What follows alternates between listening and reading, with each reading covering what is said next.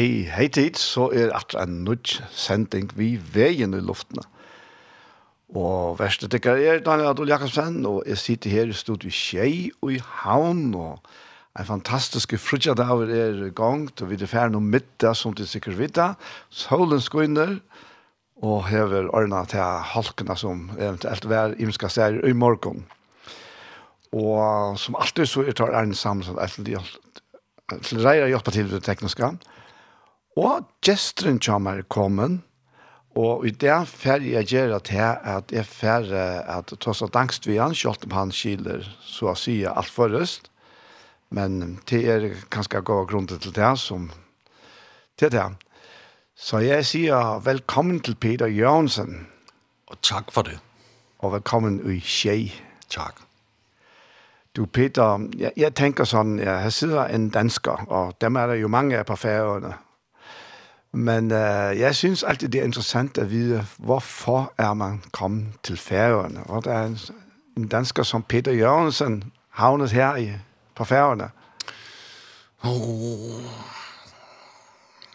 Den nemme forklaring er, at jeg ved ikke hvorfor. Men mit liv formede sig sådan, så jeg øh, lavede en masse kriminalitet i Danmark, og øh, drak en masse spiritus og tog nogle stoffer. Og, rigtig meget. Øh, og det medførte, at jeg kom i fængsel. Jeg fik en forholdsvis lang øh, fængselsdom i Danmark. Og så øh, får jeg mulighed for at øh, komme op og afzone øh, det sidste halvanden år på Færøerne. Øh, og jeg kendte øh, ikke ret meget til Færøerne en gang for længe siden, øh, da jeg gik i skole, der lærte vi, at det var et antal øer, der hørte, de var grønne, der var mange får, og så hørte de under Danmark, eller det danske kongerige. Du, du, du kendte ikke nogen penge på det tidspunkt? Nej, det, overhovedet ikke nogen. Øh, langt tilbage har jeg måske arbejdet sammen med en på et slagteri. Okay. Men, men øh, ikke tænkt over færøerne overhovedet. Og så skete der det, lige inden jeg skulle op, der så jeg to tv-udsendelser i, i fjernsynet. Og det var stort set, hvad jeg vidste om færgerne på det tidspunkt. Ja. Ja, men det var så altså en lidt speciel anledning at komme til færgerne. Ja, det var det. Og øh, det, det var ikke noget, jeg sådan øh, gik og planlagde da jeg sad i fængsel, men, men på, da jeg fik tilbuddet om at komme til færøerne, så sagde jeg ja til det. Fordi jeg var lidt træt af danske fængsler og resthuse. Og... Mm. Og var der forskel at komme til færøerne? Helt øh, utroligt. Det var, det var ligesom at komme i paradis. Okay. I, I forhold til de der danske steder, jeg har været, øh, hvor man sad i 24 og delte to toiletter og to bruser. Og, og så kommer man herop, og for det første så er udsigten fantastisk op fra arresten af. Øhm, og så har, har man en... Der hvor jeg sad, der var to værelser. En stue og et øh, soveværelse og et badeværelse. Og det der badeværelse, det, øh, efter de forhold, jeg sidder under i Danmark, der var det jo helt fantastisk at få sit egen toilet mm. og bruser. Øh, og, og det, var, det var ikke bare sådan et lille skab. Det var stort badeværelse, toilet, efter fængselsforhold. Så det var, det var fantastisk. Altså, man, man finder ud af, når man sidder i fængsel, hvad det betyder at have sit egen toilet og eget bruser. Og man i princippet kan bade hele natten. Eller gå på toilettet, når man skal. Man ikke skal ringe på en klokke og følges på toilettet. Så det var, der var kæmpe forskel. Så rammerne, de var i, i orden? Det var de. Og øh, en anden ting, det var, at øh, i Danmark er forholdet til fængselsbetjentene lidt anderledes end det, meget anderledes end de er heroppe. Der er, øh, sker meget vold mod fængselsbetjente i Danmark. Mm. Og øh, de anser en som øh, djævlen selv. Altså, øh, de, nogen bliver skudt, når de er fri eller er på vej på arbejde. Nogen bliver stukket ned, de bliver spyttet på, de bliver får helt kogende vand i hovedet. De bliver slået med, med en sok med en dås tun i og sådan noget. Og, og det gør, at når man har det ry, som jeg havde på det tidspunkt, så er man automatisk stemplet mm-hmm. som negativt styrende fange. Og så lægger de en, en afstand, som man nærmest er isoleret. Og man, øh, da jeg så kom herop, så var det lige pludselig smilende, søde og rare betjente, mm. ja. der, der gav sig tid til at tale med mig. Øh, Ikke bare komme og åbne og sagde, så er der gårdtur, eller man, man talte med mig mm. og til mig. Og det var en øh, stor omvæltning. Ja, men øh, jeg tænker, der kommer en Peter Jørgensen ind i fængsel på færgerne. Ja. Men det er faktisk en anden mand, der går ud der i fængsel igen. Åh oh, jo, ja, det er det. Øh, fordi... Øh, i mit liv i Danmark, der havde jeg ikke... Øh, der var Jesus kristendom, det var noget... Øh, cirka hver anden jul, der gik jeg der i kirke juleaften, og så gik jeg i kirke til begravelser, og til bryllup og barndåb og sådan noget. Men ellers så var det ikke noget, jeg brugte overhovedet. Det følte ingenting i mit liv. Og, øh, var, var der ingen oplevelse af noget som helst, udover det, det, de gange, du nænder? Nej, og, men, men så skal vi tale om nogle bryllupper og sådan noget. Men, men, men det viser min historik for mine ægteskaber. Også at det er ikke noget, jeg har på det her tidspunkt taget særlig seriøst det Nej. med til døden, jeg skælder og sådan noget. Mm. Så, så nej, det var... Jeg, jeg kunne ikke komme længere væk fra Gud på det tidspunkt hvor jeg kommer herop. Mm. Og jeg kommer faktisk op øh, til færgerne med, hvis, øh, hvis der er noget, hvis der er nogen, der vil mig noget ondt, jamen så må jeg jo tage mig det. Så må jeg jo slå dem ned. Mm. Eller, eller det, der nu skal til for at skadeliggøre dem. Det var du vant til? Ja, der, der er rigtig mange overfald øh, i de danske fængsler. Mm. Så, så det var jeg klar til. Og øh, det jeg oplever, da jeg kommer herop, det er jo lige pludselig, det er mennesker. Det er ikke andre indsatte. Mm. Og det er det, men, men en anden form for kriminalitet, end den jeg var vant til i Danmark. Og øh, jeg faldt faktisk godt tæt op.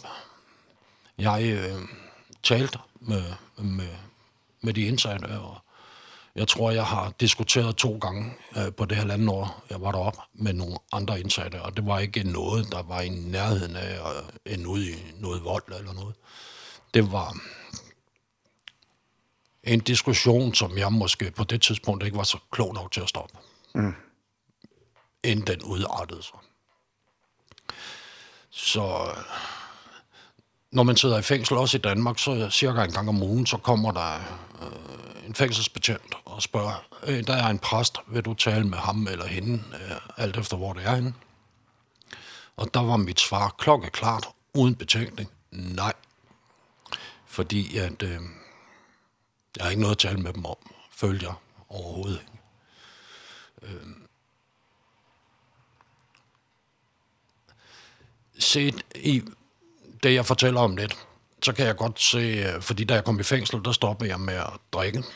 Jeg stoppede med at, at tage kokain, amfetamin, heroin og alt, fra den ene dag til den anden.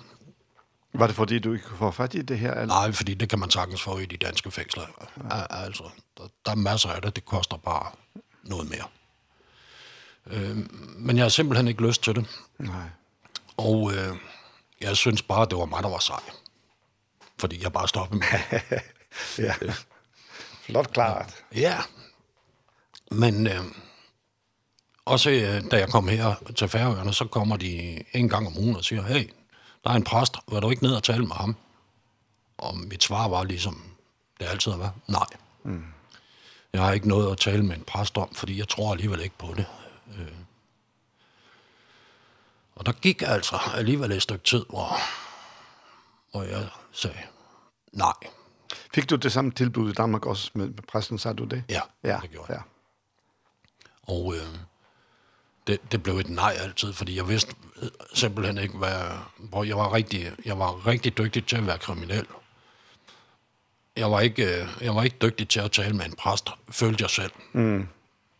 Så, øh, så det var bare, nej, hvorfor skulle jeg det? Og, og det var det også heroppe, uge efter uge.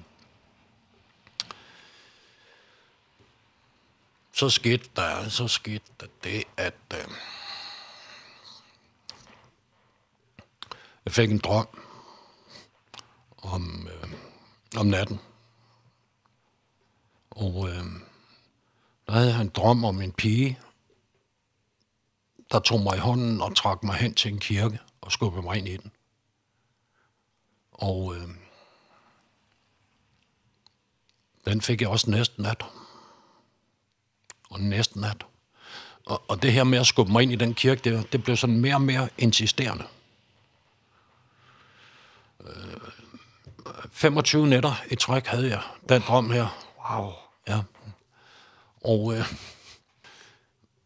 jeg havde inden det her, jeg, jeg turde ikke sige det til nogen, fordi så troede de virkelig, at jeg var blevet skør mm. øh, oppe i arresten. Inden det, der havde jeg haft en, en anden drøm om den samme pige med, at hun øh, viste mig rundt i Torshavn. Og, øh, og det var jeg dum nok til at fortælle ham, der boede inde ved siden af, og det blev altså... Der løb historien stærkt, ikke? så der lærte jeg. Du siger altså ikke noget om, at du har drømt om hende der mm. igen. Og kendte du pigen i drømmen? Ja, det gjorde jeg. Ja. Det gjorde jeg. Hun, jeg kendt og kendt. Øh, fordi hun øh, kommer ned på cellen en dag og, siger, og præsenterer sig og, sammen med chefen op fra arresten af, og præsenterer sig med navn og siger, jeg er din socialrådgiver, mens du sidder her. Og sætter sig ned, og øh, jeg taler med hende den anden i 20 minutter eller sådan noget lignende, de rejser sig op og går igen, og ganske kort tid efter, der får jeg det altså mærkeligt. Altså, jeg, jeg bliver mandesyg eller sådan noget. Jeg ved ikke rigtig, hvad der sker. Jeg får det underligt, så som alle rigtige mænd, de gør, så lægger jeg mig ind på min seng. Og ryster har det rigtig... Jeg, jeg kan ikke forklare, hvad der sker med mig. Men det ender op med, at jeg begynder at græde. Og øh, det er ikke noget, jeg har brugt øh, særlig meget i mit liv. Altså hverken ved begravelser eller skilsmisser, for den sags skyld. Mm. Det er ikke... Det er ikke noget, jeg har gjort det. Det var ikke dig? Nej, så det var underligt for mig, at jeg ligger her og græder, og jeg ender faktisk op i fosterstilling. Og da der er gået, jeg, jeg har ikke helt styr på tiden, men måske 15-20 minutter, så folder jeg mine hænder og beder fadervor. Og øh, på det her tidspunkt, der fatter jeg overhovedet ikke, hvad der sker med mig her. Fordi jeg lærte at bede fadervor, da jeg var lille, og jeg er døbt og konfirmeret mm. i Danmark. Ja. Og jeg har... Jeg kan ikke huske, at jeg har bedt fadervor, efter jeg blev konfirmeret. Nå, men det var underligt for mig, det her, og... Øh, og øh, da det sker, så begynder jeg at ændre karakter. Og det, øh, det lægger jeg ikke rigtig selv mærke til. Men øh, jeg har været rimelig hissig øh, tidligere. Var begyndt, og, og det begyndte sådan at falde lidt ned her øh, oppe i Arsten. Men en gang imellem, så kunne jeg godt mærke, skulle jeg lige passe på, ikke det løb af med mig. Og jeg... Øh, begyndte at, jeg fandt en bibel derop, og jeg begyndte at læse i en... Øh, var det en færdisk bibel? Nej, det var det ikke. Nej, den prøvede jeg, men på det tidspunkt var den simpelthen for svær. Mm. Øhm, men jeg fandt en, en bibel, øh, Gideon, tror jeg. Åh oh, ja, Gideonisterne. Ja, hvor der, hvor der var sådan en øh, dansk udgave i. Og begyndte at læse det nye testament. Jeg ved ikke rigtig, hvorfor jeg gjorde det. Men det var bare noget, jeg følte, at jeg skulle. Ehm. Så sker der det, at jeg øh, skal ud og gå noget ledsaget udgang. Øh, inden jeg kan komme ud på weekend og lov hver tredje weekend. Og det vil så sige, at du skulle ned i byen? Ja, ja. I, i 8 timer første gang og 6 timer anden gang skulle jeg gå to, og så kunne jeg, hvis de øh, forløb tilfredsstillende, så kunne jeg få lov at komme ud på et døgns overlov. Og øh, hende er socialrådgiver, hun kommer ned og siger, vi skal finde ud af øh, det der ledsagede udgang, hvornår jeg kunne tænke mig det. Og når man har siddet længe nok i fængsel, så kan det kun gå for langsomt. så øh, vi finder en dag, og øh, siger hun, det er fint. Og så siger jeg, hvem er tosserne deroppe, skal jeg have med? Og, og der mener jeg fængselsbetjent. Mm. Fordi typisk så får man en fængselsbetjent med, og alt efter indstillingen hos den fængselsbetjent, så er det i deres uniform. Der er også nogen, der tager en jakke ud over, så man ikke kan se, hvem de er og sådan noget. Men jeg havde svært ved at, at se mig selv gå rundt i 8 timer i Torshavn.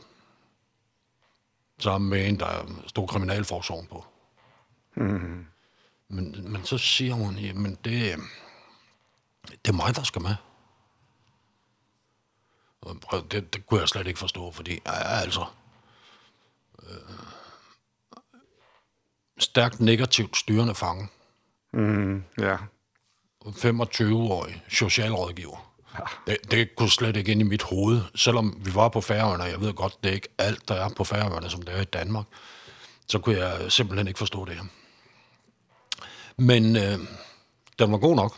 Og, var, var, var det planlagt for inden, eller var det nu, hun fandt på? Fordi nej, det, du... det var planlagt, og okay. det, det var godkendt op fra ledelsen. Ja. Så øh, vi kørte til havn, og jeg... Øh, det allerførste, jeg gjorde, det var, at jeg skulle i Matas og have noget sådan noget.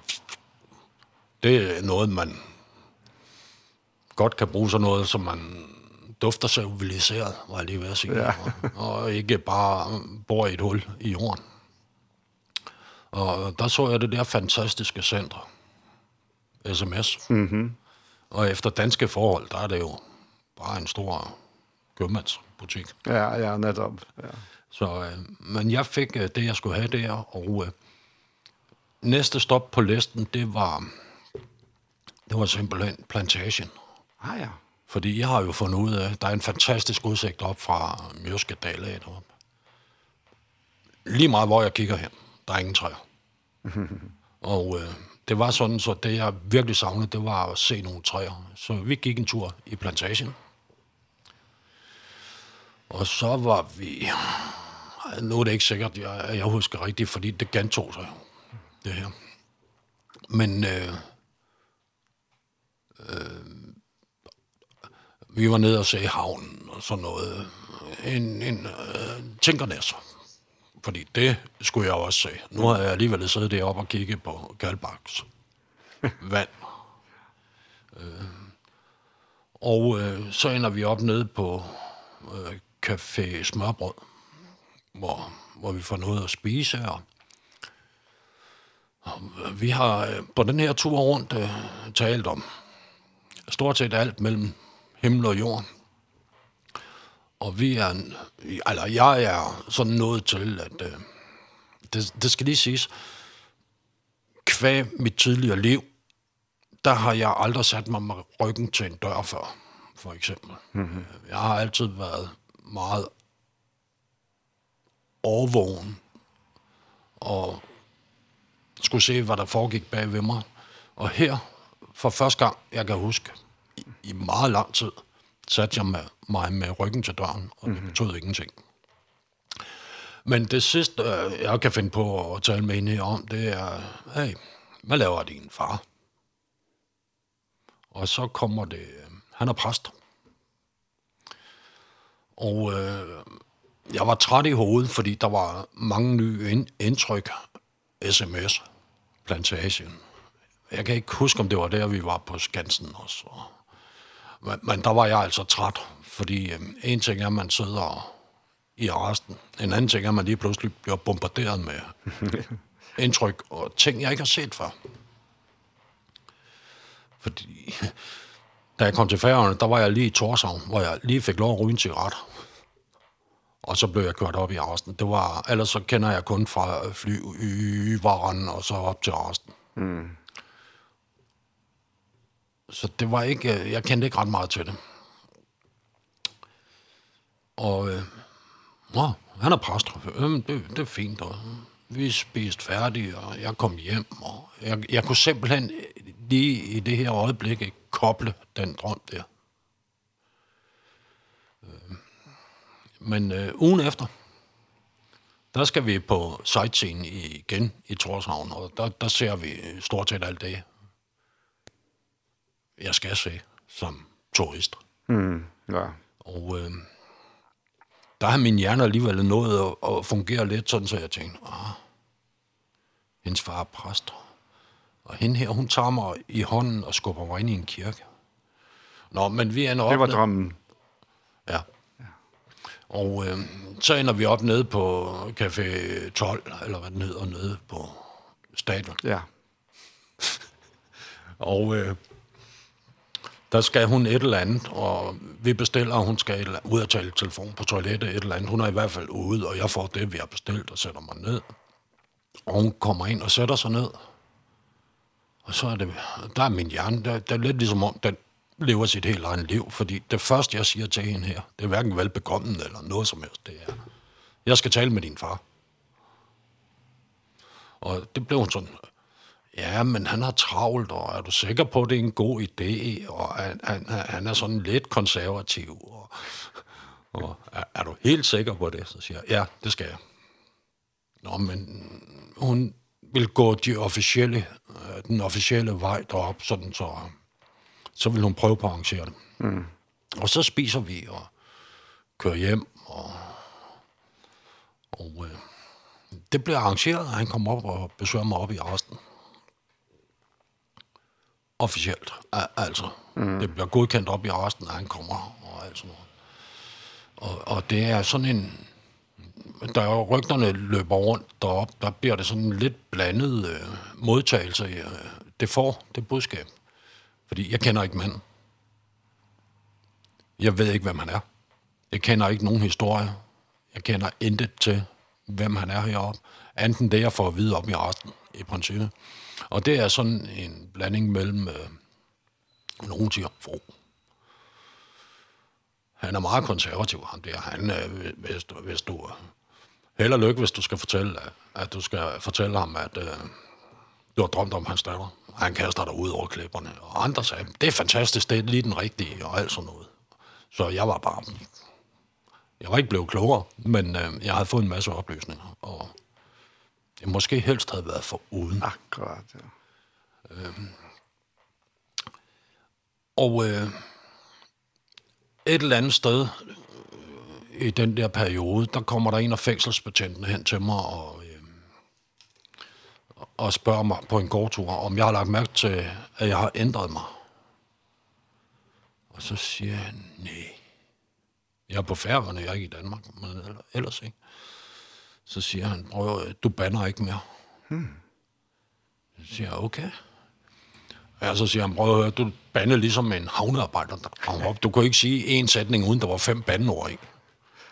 Og, og der, var, der var faktisk en, en anden fængselsbetjent, der sagde, du bande ligesom en kvinde fra Suderø. okay. Og, og det vidste jeg ikke, hvad det betød på Nej. det her tidspunkt. Men, man, man altså... Så, øh, og det gør jeg ikke mere, og... Øh, har ikke gjort det siden. Men øh, jeg holdt også op med at se voldsfilm. Jeg holdt op med at se alle de der. Mm. Jeg havde også nogle film med fra Danmark, hvor man helst ikke ser på færgerne. Mm. Øh, og, og de blev også bortskaffet, afskaffet, og jeg ændrede mig. Jeg... Øh, Alltså hon har nog sagt något om det alltså. Ja. Det var det selv der. Det var mig selv, der i, i den her periode øh, ikke rigtig forstod, hvad der foregik. Og øh, uden at lægge mærke til det, ændrede mig. Og så sker der det. Uh, den her, og det kan jeg huske, det er net... net... Bare, bare lige for at samle lidt op, ja. for, for jeg, jeg kender ikke din historie i detaljer. Nej. Altså, den her pige i drømmen, er det den samme, der, der som socialrådgiveren? Lige præcis. Okay, ja. ja. ja. Og øh, så når vi til den 19. juli 2017. Og øh, der får jeg besøg af Bergur. Og det er sådan oppe i resten, der skal man selv have kaffe, og hvis, hvis de skal have noget at spise, så er det den indsatte, der skal have det med. Så det var noget pulverkaffe og noget et eller andet let fordærveligt. Et eller andet. Min bagkunst på det tidspunkt var ikke eksisterende. Så øh, det var noget karameller eller sådan noget lignende. Og øh, jeg har besøg af Bergård, og øh, jeg starter med at fortælle ham, hvem jeg er. Og Bergård er altså pigens far? Ja, Bergård Døbes Jonsen. Ja. ja. Og øh, han, øh, han er nysgerrig på, hvem jeg er. Og øh, jeg fortæller ham, hvem jeg er, og alt sådan noget, hvad jeg har gjort, og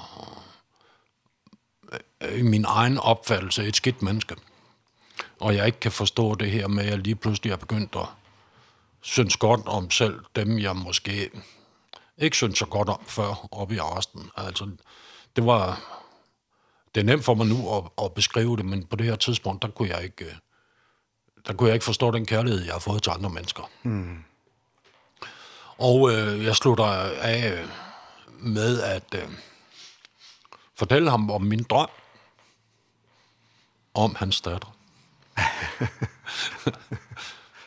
det øh, tror han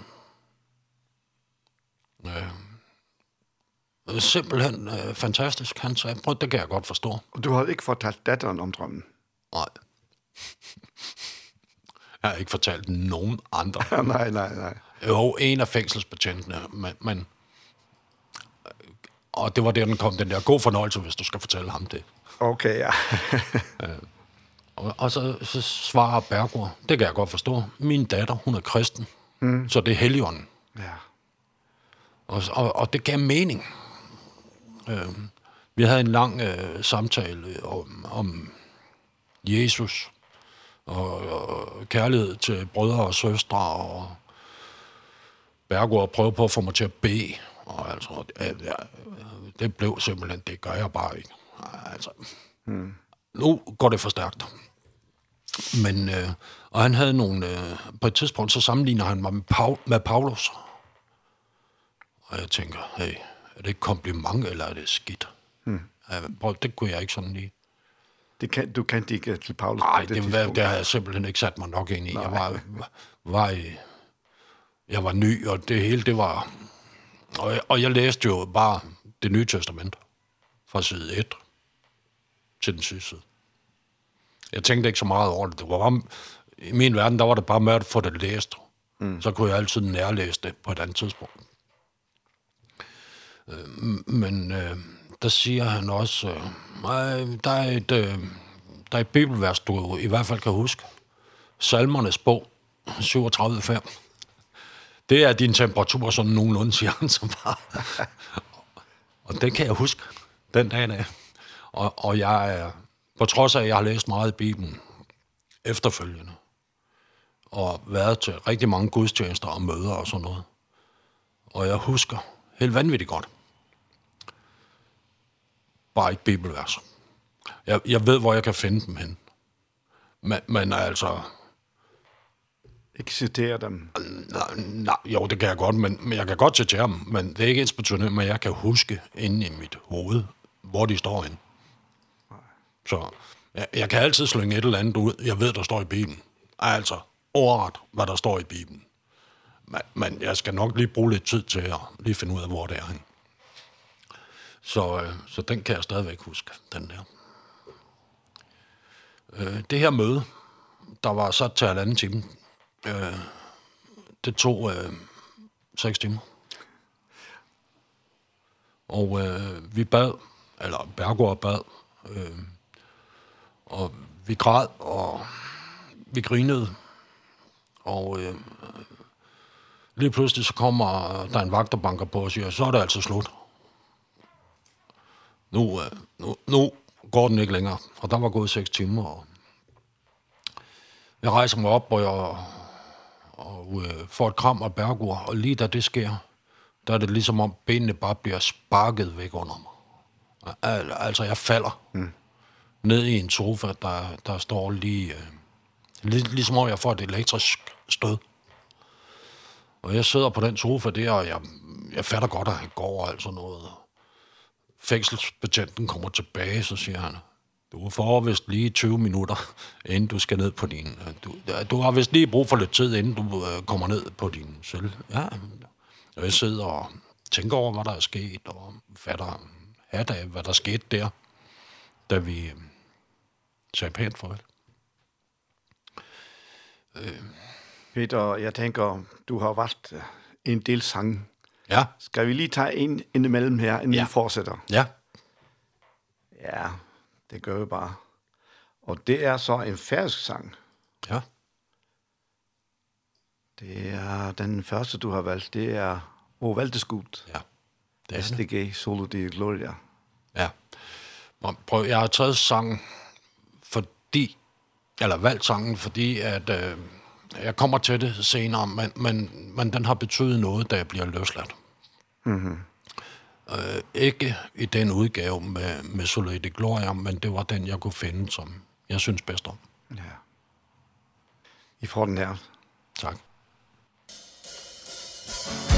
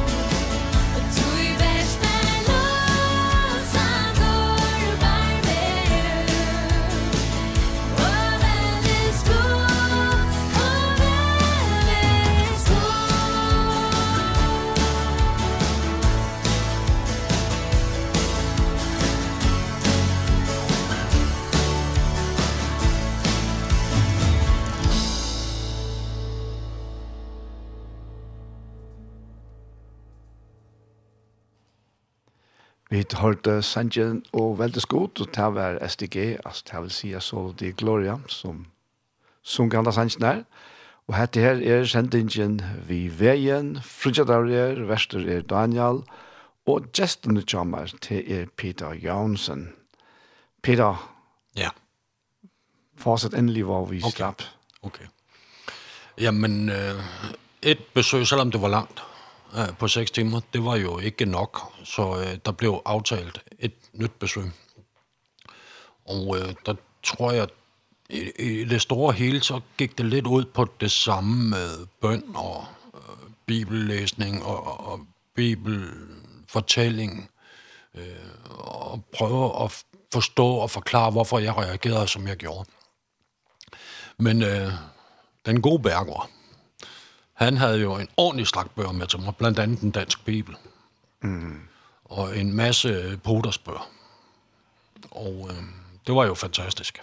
Øh, så efter fem timer, så var jeg klar til at, at gå ned på min celle og øh, læse. Og det var det andet besøg? Ja, det var det andet besøg. Og vi havde, vi havde efterfølgende flere besøg. Vi holdt dem på kortere Uh, og når jeg siger kortere, så er det måske tre timer, mm. eller sådan noget lignende. Uh, så det var fantastisk, og øh, øh, Bergård siger, prøv at høre, du kan, godt, øh, du kan godt gå ned til fængselspræsten, når han kommer. Fordi han er min ven. Han forstår dig, siger han så bare. Han, han er god at tale med. Så, så øh, en dag, hvor de kommer og siger, skal du ned og tale med præsten? Ja, det skal jeg. Og, og der øh, havde jeg fornøjelsen af at mødes Svær Steinholm. Mm. Og nogle gange, øh, så var jeg alene sammen med Sverre Steinholm, og vi kunne tale om alt. Og andre gange, så var der andre, øh, der sad i arresten, der var med dernede. Men jeg lærte, jeg lærte ikke at synge salmer, men jeg lærte at lytte til salmer. Nej, ja. ja. ja og lærte at læse dem. Jeg er stadigvæk genert. Jeg, jeg er ikke så vild med at synge. Jeg ved godt, at hver fugl synger med sit næb. Men det er lige før bruseren falder ned, hvis jeg begynder i bad. så øhm, jeg dygtiggjorde mig i, i det her, og begyndte at forstå mere og mere øh, det med Bibelen. Og øh, da jeg var kommet igennem det nye testamente, så tog jeg det gamle testamente fra side 1 af, og så bare derudad. Mm. Og øh, jeg oplevede, at øh, første gang jeg læste Bibelen, der var det bare noget, jeg læste ligesom en hver anden bog. Øh, senere er den blevet levende for mig, og, og jeg forstår det nemmere. Og det er ikke, øh, det er ikke bare mig, der er smart. Det er punkt 1, Helion, mm. og punkt 2, øh, jeg har haft øh, omgivet mig med, med dygtige og kloge mennesker, der kan fortælle mig om, hvad det her det går ud på. Og jeg har været... Øh, I og med, at jeg er dansker på Færøerne, og ikke rigtig kender til øh, den kristne kultur på Færøerne, så har jeg øh, ikke haft nogen fordom over for nogen. Så jeg har lyttet til dem, jeg har hmm. haft lyst til at lytte til. Øh, ja. Men... Øh, Tiden går, og øh, jeg skal løslades, prøveløslades. Øh, og det har hele tiden været sådan, så hver gang jeg har sagt, at jeg gerne vil løslades til færgerne, så er der bare blevet sagt til mig, det kan ikke lade sig gøre, du kan ikke få noget at bo i. Og der har både Bergur og, og særlig Svær Steinholm bare sagt, ro på, det løser sig. Okay. Og, og jeg er jo blevet mere og mere bekymret over det der, hvorfor hvorfor kan jeg ikke blive løsladt til Torshavn, når jeg nu gerne vil? Kom on, jeg er dansk statsborger, altså. Mm, ja. Det er ikke for at fornærme nogen på nogen som helst måde, vel? Men det er i princippet Danmark, når man sidder i min situation. Ja. Og der har svaret igen været, hver gang. Jamen, du kan ikke finde noget at bo i, fordi der er ikke nogen sociale boliger og alt sådan noget. Og hver gang jeg har spurgt de her to præster, så er de bare sådan, bare slap af, det løser sig. Og øh, kort tid før jeg skal løslades, så, øh, så kommer øh, der en ned op fra ledelsesgangen i resten. Han siger, jeg ved ikke lige, hvordan du har gjort det, men øh, Blå Kors, de har tilbudt dig, at de, de har et hus i Lindgøte 12, som de vil lave om til noget house. Øh, så jeg kan blive løsladt dertil. Og øh, der må jeg jo bare sige, Gud er god. og præsterne havde ret. Det løser sig. Mm -hmm. øh, så øh, jeg kunne med ro i sjælen se frem til løsladelsen. Fordi jeg vidste, hvor jeg skulle bo hen. Nej, jeg vidste ikke på det her tidspunkt, fordi der havde jeg ikke... Jeg vidste, det var et hus i Torshavn, og det var det. Men så sker der det... Øh, cirka halvanden måned før jeg skal løslades, øh, der vågner jeg op øh, en søndag morgen op i Arsten, hvor min øh, hånd sover. Ja, det er klokken halv fire om natten. Og jeg skal ud og tisse, og, og jeg tænker, jeg sætter mig bare ned. Hvad er problemet? Og jeg sætter mig ned og tisser og går i seng igen. Og så vågner jeg op øh, igen om morgenen der kan jeg godt mærke, at den er blevet sådan lidt mere krabagtig. Altså hånden. Øh, jeg tænker, det er mærkeligt. Har jeg ligget på den igen og sådan noget? Men jeg går i bad og går mig klar, inden vagterne kommer og låser op. Og jeg kan ikke bruge den hånd der stort set. Hver gang jeg åbner den, så folder den bare sammen igen. Og, og hvis jeg bruger den anden hånd til at åbne med, så folder den sammen. Så jeg tænker, ah, jeg bliver nok nødt til at bede om at tale med en læge, når de kommer og lukker op. Og øh, jeg tænker, hvad, hvad, hvad kan der være galt med mig? Og jeg kunne huske min mors fødselsdato, min fars fødselsdag, mine børn og så videre. Jeg kunne ikke skrive dem ned, men jeg kunne huske det. Mm-hmm så jeg fatter ingenting af det, men vagterne kommer og låser op, og øh, jeg beder om at komme til at tale med en læge, og øh, forskellige årsager, så går der et stykke tid, inden øh, øh, det sker. Men der kommer de vagter, der kommer på arbejde og afløser dem, der var der om natten, de kommer ned til mig og siger, den er helt gal. Så siger jeg, er den helt gal? Ja, du, du ser, dit øje er mærkeligt, og sådan noget lignende. Så siger jeg, okay, savler jeg også, sagt Det var ikke noget at lave sjov med, og de ringede til en læge, og, og lægen han sagde, at det er enten en hjerneblødning eller en blodprop. Mm -hmm. Og jeg sender en ambulance. Øh, og så blev jeg indlagt her på sygehuset med øh, en formodet blodprop i hjernen. Og jeg tænkte, det kan bare ikke være rigtigt. Altså, kom on, det er min hånd. Det kan, og så min balance var heller ikke helt god, men, men jeg kunne huske alt det der. Og øh, der var ikke nogen huller i min hukommelse, ja, altså. Og, og det, jeg havde, det, jeg tænker med en blodprop, det er, at min hjerne ikke fungerede, altså. Mm. Men øh, jeg bliver indlagt øh, her på landsygehuset, og øh, en af de ting, der irriterer mig mest, det er, at øh, jeg skulle løslades lige om lidt.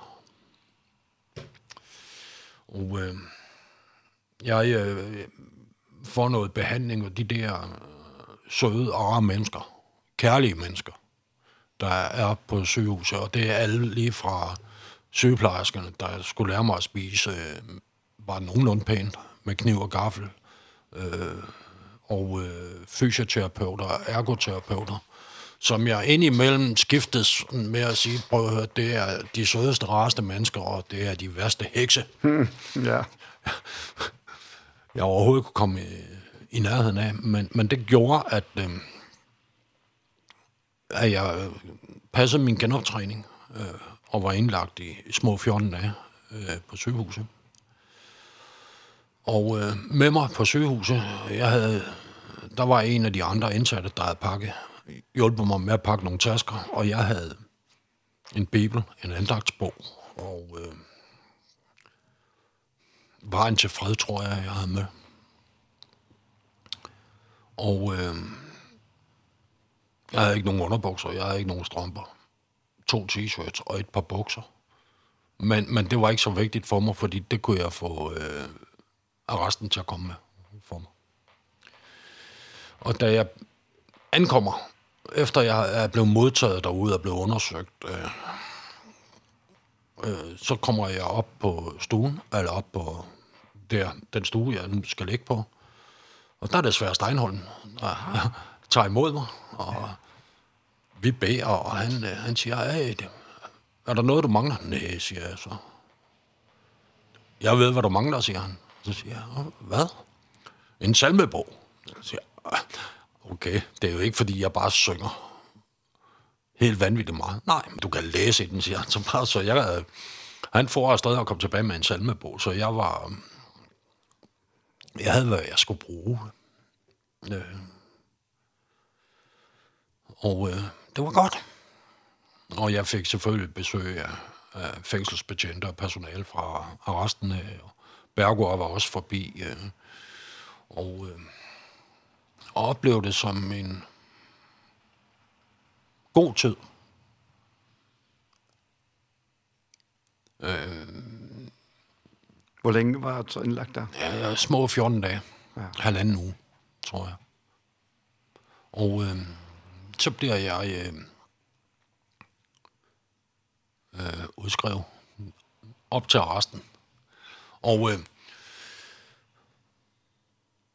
der, der tænker jeg selvfølgelig, prøv det her, det kan jeg udnytte til et eller andet.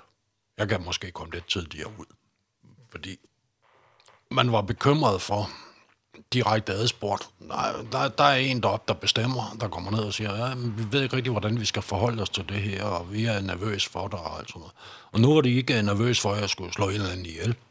Nu var de bange for, at jeg selv skulle dø. Mm. Og det var sådan lidt katten rundt om den varme grød, hvor jeg siger, er du bange for, at jeg skal dø? Ja, ja Mm.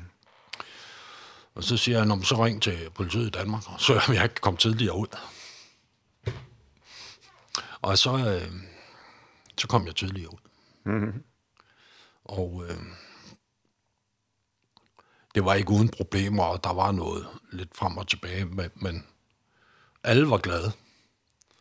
De, de slap af med ham, den besværlige dansker deroppe, og øh, jeg slap for fængselsbetjente og låste døre. Og, øh, men, men det skal siges, prøv, jeg har været øh, lykkelig oppe i arresten.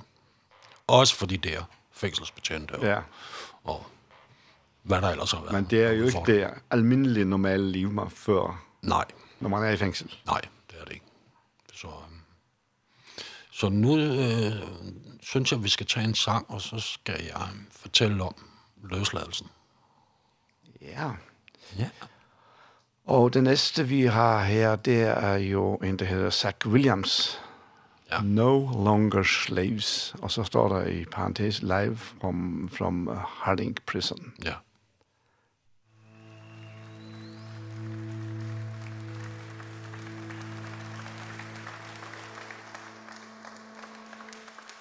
I'm no longer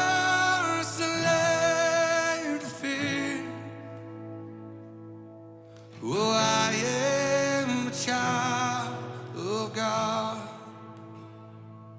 I'm no longer a slave to I am a child of You unravel me with a melody. And you surround me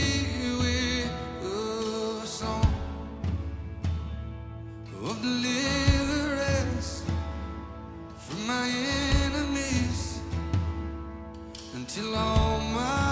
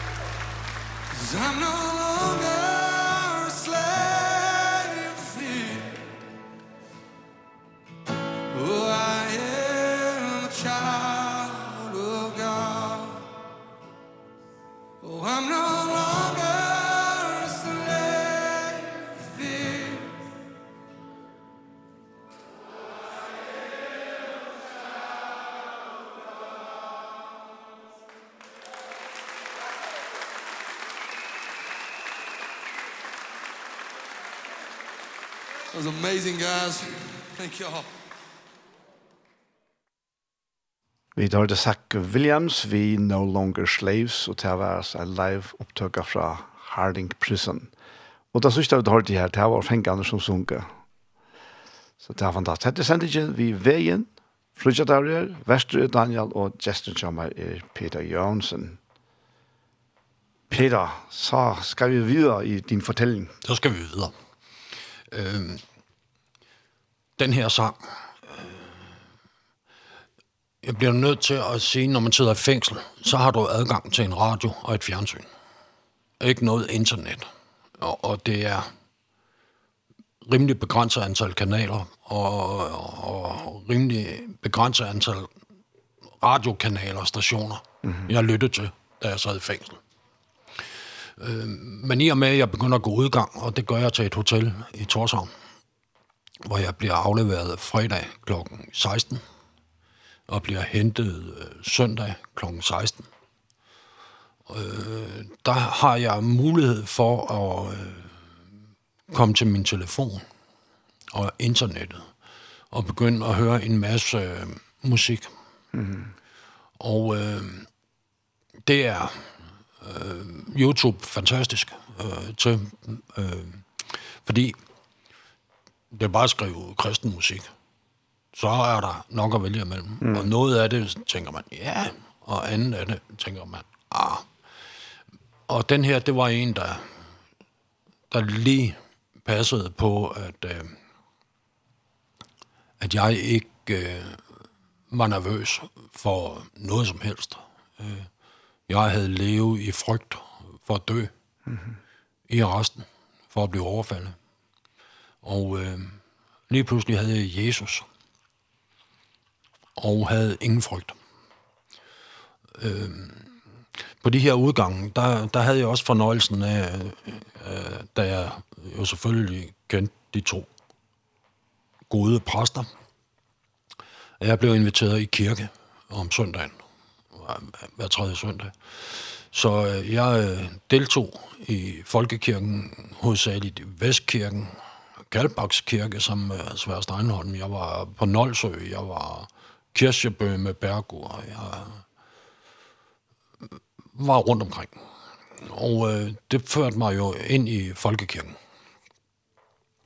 Og øh, det var det, jeg kendte øh, til Jesus, udover øh, juleaften op i Arresten, der var City Church øh, lige på besøg i et par mm. timer og, og sådan noget. Øh, men jeg kendte ikke rigtig noget til det, og, og de var jo flinke og rare og søde og alt sådan noget, men, men på det tidspunkt, der, ville, der, der tænkte jeg, folkekirken, det er det, jeg kan forholde mig til her. Og øh, da jeg så bliver løsladt, så, så bliver jeg løsladt op til Lindgøte øh, 12 her i Torshavn, og øh, der er jo eller var nogle fantastiske mennesker, der øh, tog sig af mig, øh, de sørgede for, at jeg fik øh, vigtigst af alt et sted at sove. De sørgede for, at jeg fik morgenmad, der var sat på bordet, og øh, en masse kage, og middagsmad, og mere kage. og jeg ved godt, det lyder som en opdragelse, men når man, når man eller overdrivelse hedder det ikke opdragelse. Det har der også været, men, men ikke, det er ikke det, jeg skal tale om lige nu. Øh, så er det jo fantastisk, at der er nogen, der lytter og taler til mig. Ikke som et øh, dybt kriminel, men en bror eller søster mm-hmm. i Kristus. Og øh, selvom jeg på det tidspunkt tænkte, jeg er tæt på at være udlært, kristen, så, øh, så skal jeg da øh, garantere for, at der gik ikke øh, mange timer, øh, da jeg boede i Lindgøte, hvor jeg ikke lærte noget. Så øh, fantastisk tid. Og den var også hård for mig, fordi jeg øh, var dårligt gående. Oh, ja. På grund af min blodprop. Ja. Øh, og det er halvanden måned efter, at jeg har fået den det her. Og, og min hånd... Øh, fungerede ikke rigtigt stadigvæk. Så jeg brugte tid på at gå ture i havn, øh, som jeg havde gjort al den tid, jeg har gået øh, overlov. Så hvis der er nogen, der mangler et billede af deres hus i havn, så spørg mig. Jeg har det. jeg har 5.000 billeder, jeg har taget. Øh, faktisk inden jeg blev løsladt. Og det blev ikke mindre efter, at jeg blev løsladt. Der var også fordel ved den her øh, hånd, fordi øh, færingene, de spiser ikke øh, skrællede kartofler. Og det kunne, øh, det kunne jeg ikke. Jeg kunne ikke pille kartoflerne. Mm -hmm. Så der var nogle øh, meget søde damer, der nok lige skulle pille dem for mig. I hvert fald en måneds tid. Fordi så fandt man ud af, at det var god øvelse for mig. Og, og hvis ikke jeg kunne pille dem, så kunne jeg bare skralde dem. Så... Øh, jeg måtte skrælle kartofler og genoptræne med det her. Og selvom jeg lige i, i nuet tænkte, ah, så bliver jeg nok nødt til at takke for det, fordi øh, det har hjulpet. Så sidder jeg en aften op. Det er lidt ligesom om, at øh, folkekirken ikke er nok for mig. Og så har jeg hørt om øh, det der røde hus nede ved sms mener søster. Ja, lige præcis. Og, og øh, så tænker jeg, hvordan kommer jeg ind i det? Jeg ved godt, det er bare at åbne døren og så gå ind. Men en mand med min historie, tænker jeg. Men, men det ender op med, at jeg en tirsdag aften, der har jeg fået at vide, der har de sådan noget... Øh, de læser Bibel, Bibel, øh, Bibeltimer? Ja, bibeltimer, og så diskuterer de lidt om det, og, og, og for at vide, hvad de skal læse til næste gang og sådan noget. Og, og jeg øh, får taget mod til mig og går derned og banker på og går ind og siger, må jeg godt være her sammen med jer? Og der sidder jeg altså... Der sidder nogle ældre herrer og kigger på mig, ligesom om jeg bare falder ned fra munden af, fordi Jeg kan ikke tale færøsk, men de ved godt, at jeg kan forstå det lidt, det finder de ud af. Og, og når, vi, når vi taler dem her, så, så taler vi altså... Ej, nu kommer navnene alligevel, ikke? Og så må jeg tage skralde bagefter. Moritz Moritsen, Per Poulsen, Axel. Ah, ja. Og, og, og, og i den duer der, ikke også? Ja. Så, så det var nogen, jeg ved, de var på hjemmebane i Bibelen. Men øh, man taler om det her, og så synger de nogle sange. Læg mærke til, at jeg siger, de synger. Ja. og øh, og øh, så slutter man af med lidt bøn. Og øh, jeg fortæller ganske kort om, hvem jeg er og sådan noget, og der øh, jeg troede, jeg havde oplevet alt, hvad der var af bøn med de præster der, men der, der, der skal jeg sige, det havde jeg ikke. Fordi øh, Axel, jeg havde jeg har aldrig oplevet noget lignende. Mm. Jeg har aldrig oplevet større kærlighed fra en mand, jeg ikke kendte. Mm. Altså, han lå ind over bordet, da han var færdig med at bede for mig. Øh, og det var fantastisk, og, og jeg gik glad hjem til Lindgøde, og øh, det endte op med, at jeg kom der om tirsdagen, og begyndte at komme til møder om søndagen. Og, øh, søndag aften? Ja, søndag aften. Og øh, der blev taget rigtig godt imod mig, og inden jeg havde set mig om, så kendte jeg altså. Jeg følte det, som om jeg kendte halvdelen af ham. Og øh, så øh, efter tre måneder, så bliver det alligevel for meget kage for mig. Nej, det gør det ikke. Men, men øh, på det tidspunkt, der må man godt gå ud og drikke deroppe og komme fuld hjem til aften. I, i Lindgøtter? Ja. Og øh, der var cirka halvt af hver, der gik ud og drak, og så øh, den anden halvdel blev sure, når de kom hjem. Og øh, efter tre måneder, der, der blev jeg enig med, med Magten Højgaard, som var leder deroppe på det tidspunkt, at det måske var bedst, at jeg... Øh, fik et værelse nede oven på den gamle blå korsbutik. Nå ja. Så det gjorde jeg. Der fik jeg... Den kender jeg. Ja, den kender du. Ja. og... det har jeg nemlig også brugt. Okay. Ja.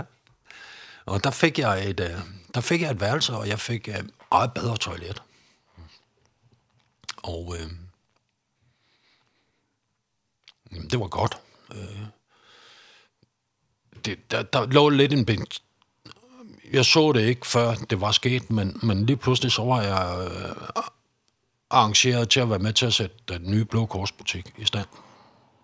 Ja, jeg fik sagt ja, og stod op om morgenen og alt sådan Og jeg havde søgt arbejde og arbejde og arbejde og arbejde. Men, men det er svært at finde et arbejde på færøerne, når, når øh, hvad laver du på færøerne?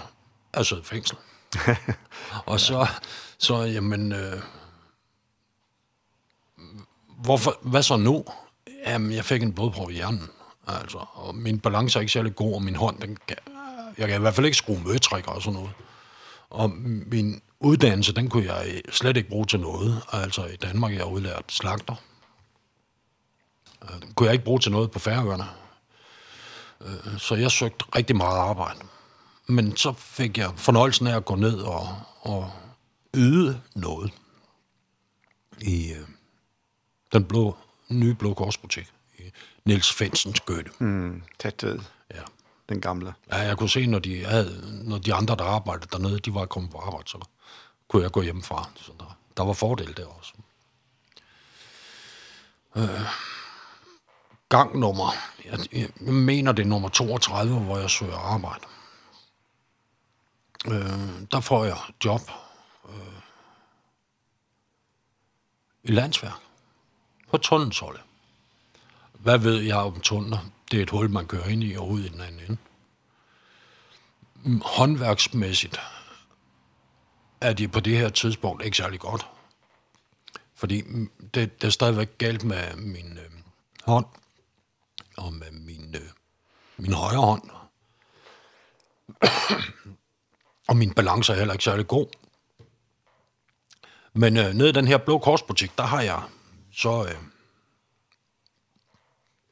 fået øh, nogle bekendte. øhm, overfra, jeg kaldte det det hellige vand, det er ikke altid, jeg bliver populær på det, men Skålefjorden, der, der var en, der hedder Andras Hansen. Og vi, vi arbejdede sammen der, som hans søn var der også og øh, vi drillede hinanden helt, helt utrolig meget. Vi talte om Jesus, vi havde det, det godt, og, og selvom aldersforskellen var stor på andres og jeg, så øh, kunne vi godt drille hinanden. Det var sådan noget med at gemme en telefon, og jeg fik engang læste en øh, gammel brandvinsflaske i sådan noget bastagtigt noget ind i hans bil, som han først opdagede, da han kom hjem og sådan noget. Øh, men men fantastisk. Og, øh, og det, øh, det fejrer vi med kaffe og kage, at jeg har fået job i landsfærd. Så øh, i, øh, i menighedshuset, nej, jeg bliver... I og med, det var Bergård, der var min første kontakt til Folkekirken så kommer det nok ikke bag på nogen, at jeg måske G følte et eller andet sted, at jeg blev nødt til at gå til Poters. Mm-hmm. Måske lyder det forkert, fordi jeg meldte mig til Poters og begyndte at gå til Poters. Og prøve, det var fantastisk for mig. Fordi der møder jeg endnu flere af de der gæsteforelæsere, eller hvad vi skal kalde dem, rundt omkring fra de forskellige øh, kirker og menighedshuse og, og sådan noget. Og øh, udvider min horisont helt utroligt om Jesus. Og, og på det her poders, der, der får jeg en bog, der hedder, øh, den havde jeg fået op i, øh, op i arresten, og læst den op i arresten. Den hedder Vejen til fred af Rosenius. Mm -hmm. Piece of Cake. Min hjerne kan ikke forstå, at det er så simpelt, som den er skrevet. Og jeg siger til Bergur, jeg forstår den ikke. Bare læs den igen, siger han så. Og jeg siger til Svær Steinholm, nu har jeg læst den igen, jeg fatter ikke det her. Kan det virkelig være? Bare, bare læs den en gang til. og jeg læste den en gang til.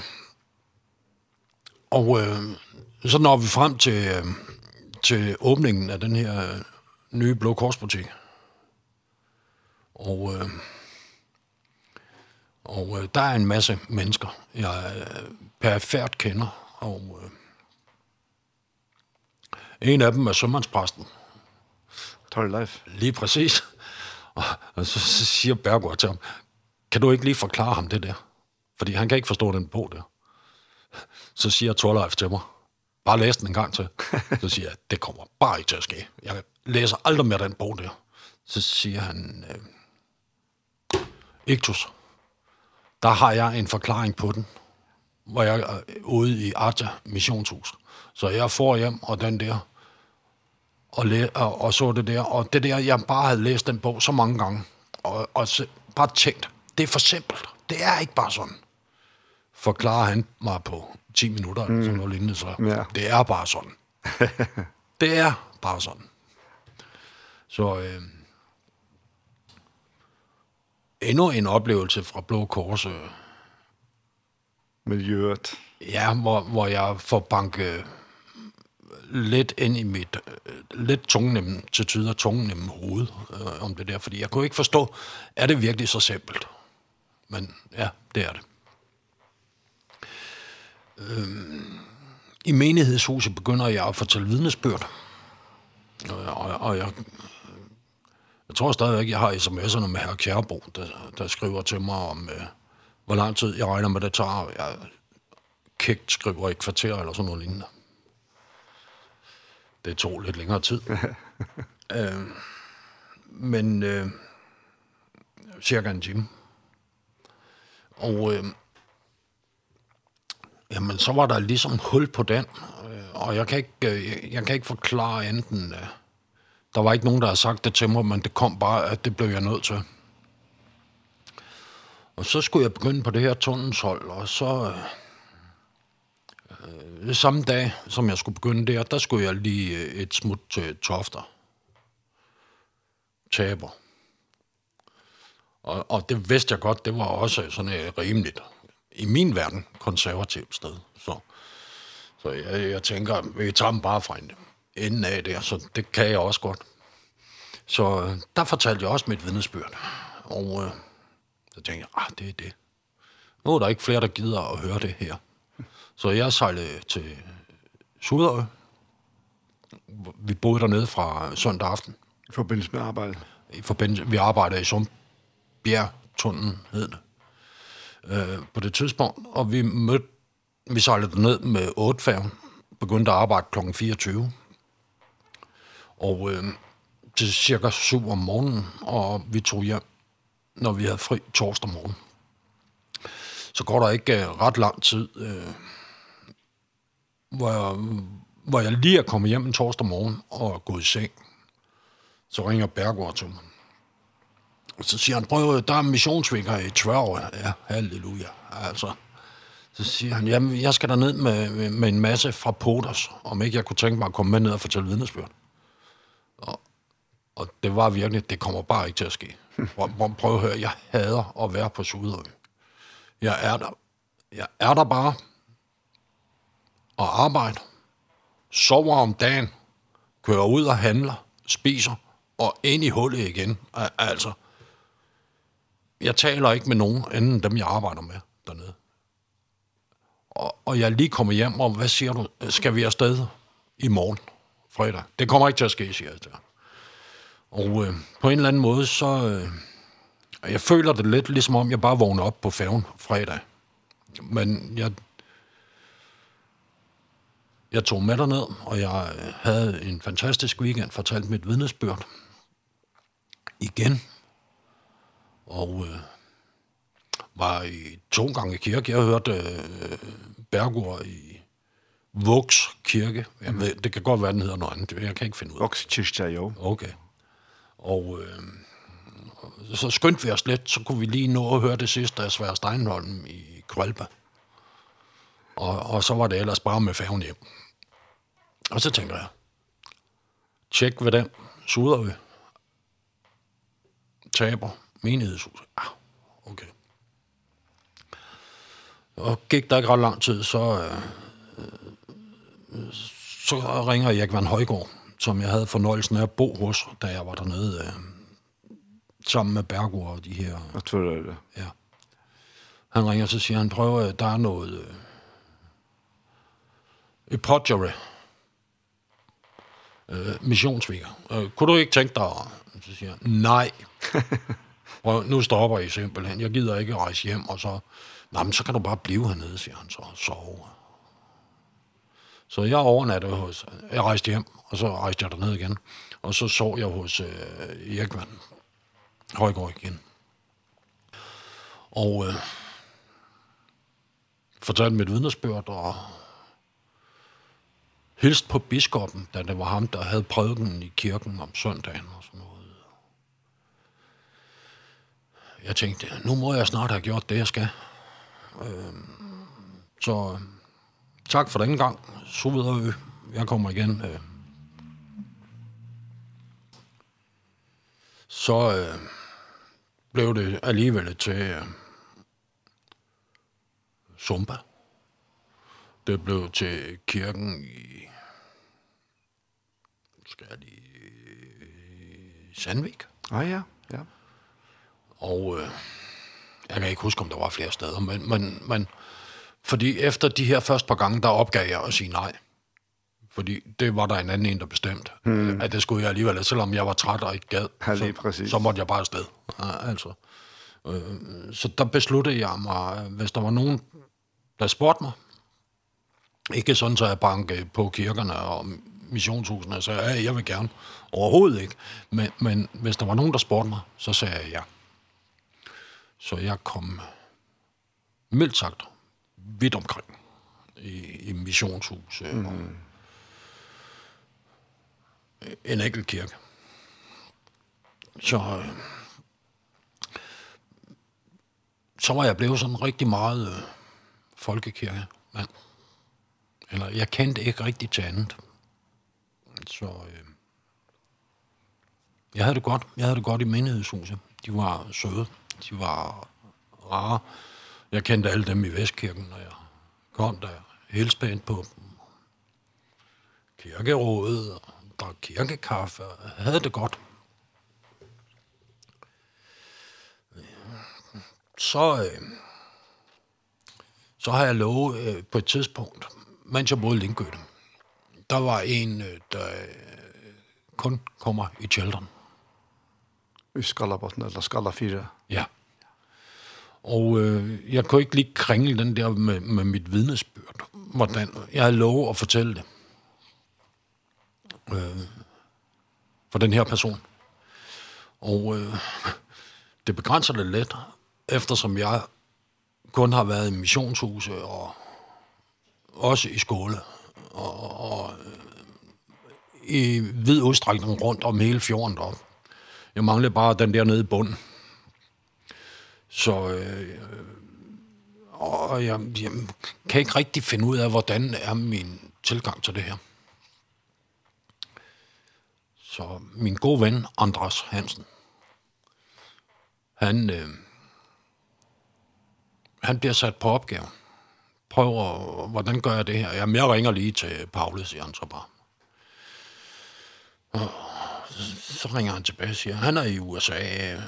Jeg arrangerer en søndag, hvor, hvor Bigve, du kan tale med ham. Ja, okay. Og Stakkels Andras, og jeg mener virkelig Stakkels, fordi han bliver prøvet. Han, øh, i forbindelse med, at jeg var oppe og tale i Skåla menighedshus, der boede jeg hos ham og hans kone øh, den weekend. Og øh, det var fantastisk. Men øh, de skulle til en begravelse i havn om lørdagen, og øh,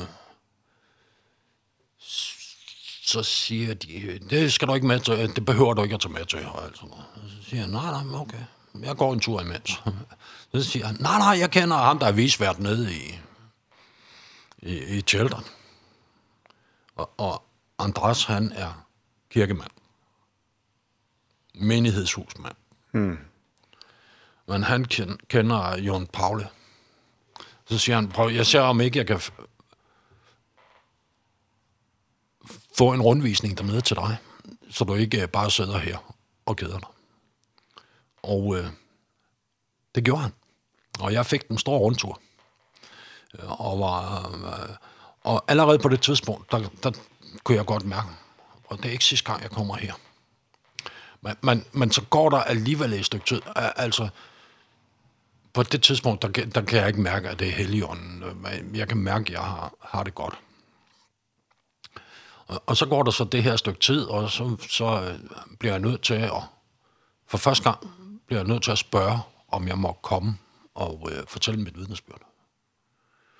Øh, og, og der må jeg med hatten i hånden ned og, og sige til Big Web, prøv at høre, jeg har en vidnesbørn. Øh, og øh, der har jeg lovet den her person at fortælle, og eftersom det kun kan foregå et sted, så bliver jeg nødt til at spørge, om jeg må komme her og fortælle det. Og i mellemtiden, da jeg talte til stormødet her i havn, vidnesbyrd, det havde jeg på en USB-nøgle, og jeg havde med til ham og sige, du kan lytte til det her, og så kan du... Og, og ja, hvis Gud vil, siger han så bare, så ringer jeg til dig. Og det vil Gud åbenbart, fordi han ringer kort tid efter. Og øh, så øh, kom jeg... Så aftalte vi, at jeg lige skulle komme derop et par gange inden, sådan så folk kunne se, hvem jeg var. Ikke, at jeg, jeg, jeg skulle ikke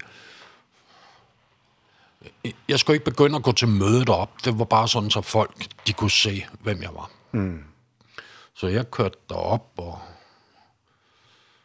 talte med, med dem, der nu gad at tale med mig. Og, og, og det var ikke så få, men jeg var op og fortalte mit vidnesbyrd derop, og øh, det gav en reaktion, som jeg ikke havde regnet med.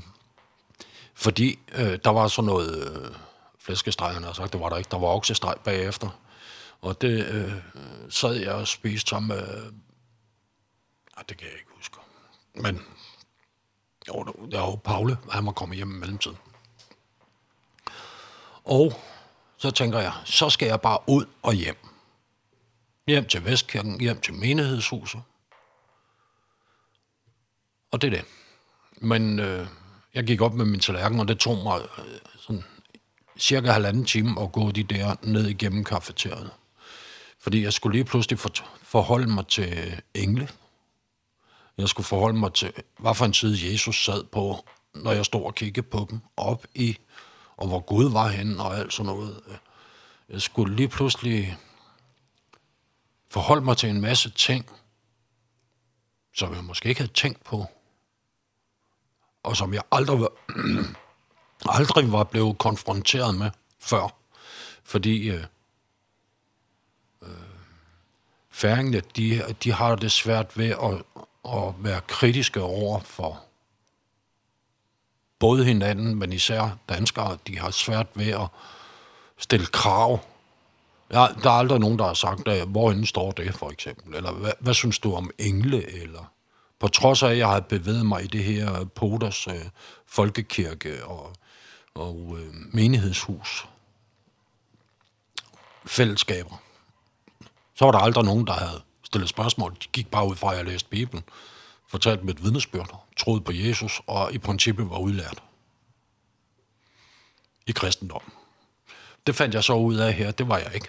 Jeg, jeg, jeg vidste godt, jeg var blevet bedre til det. Øh, men jeg sætter mod bilen og kører hjem. Og tænker, det var det. Så når vi næste søndag. Så øh, det var før tunnelen kommer det her. Øh, kører ud fra, på det her tidspunkt har jeg fået en lejlighed i Kalbak. Kører ud fra Kalbaksfjorden af, burde dreje til venstre og kører ind i Vestkirken. Så tænker jeg, at Bergård, han er Han er tre uger i Danmark. Så, nej, jeg kører til højre. Så drejer jeg til højre og kører til Tjeldon. Og øh, der siger de til mig, hey, du er velkommen. Øh, men, men ikke sådan på en... Sådan en... De siger pænt til mig, jeg er velkommen. Hvis ikke jeg kommer, så er det sådan, Øh, det er ikke på nogen øh, sådan hiveagtig måde i mig. Det er lidt ligesom, jeg kan være der, eller, eller være. Mm. Det er lige godt for dem. Ja, der er ingen tvang, der er... Øh, det synes jeg jo er fint. Jeg øh, når frem til Bergurs ferieuge nummer to. Og der skal jeg igen faktisk til den vej, men så vælger jeg at køre til højre op i Jolton. Og øh,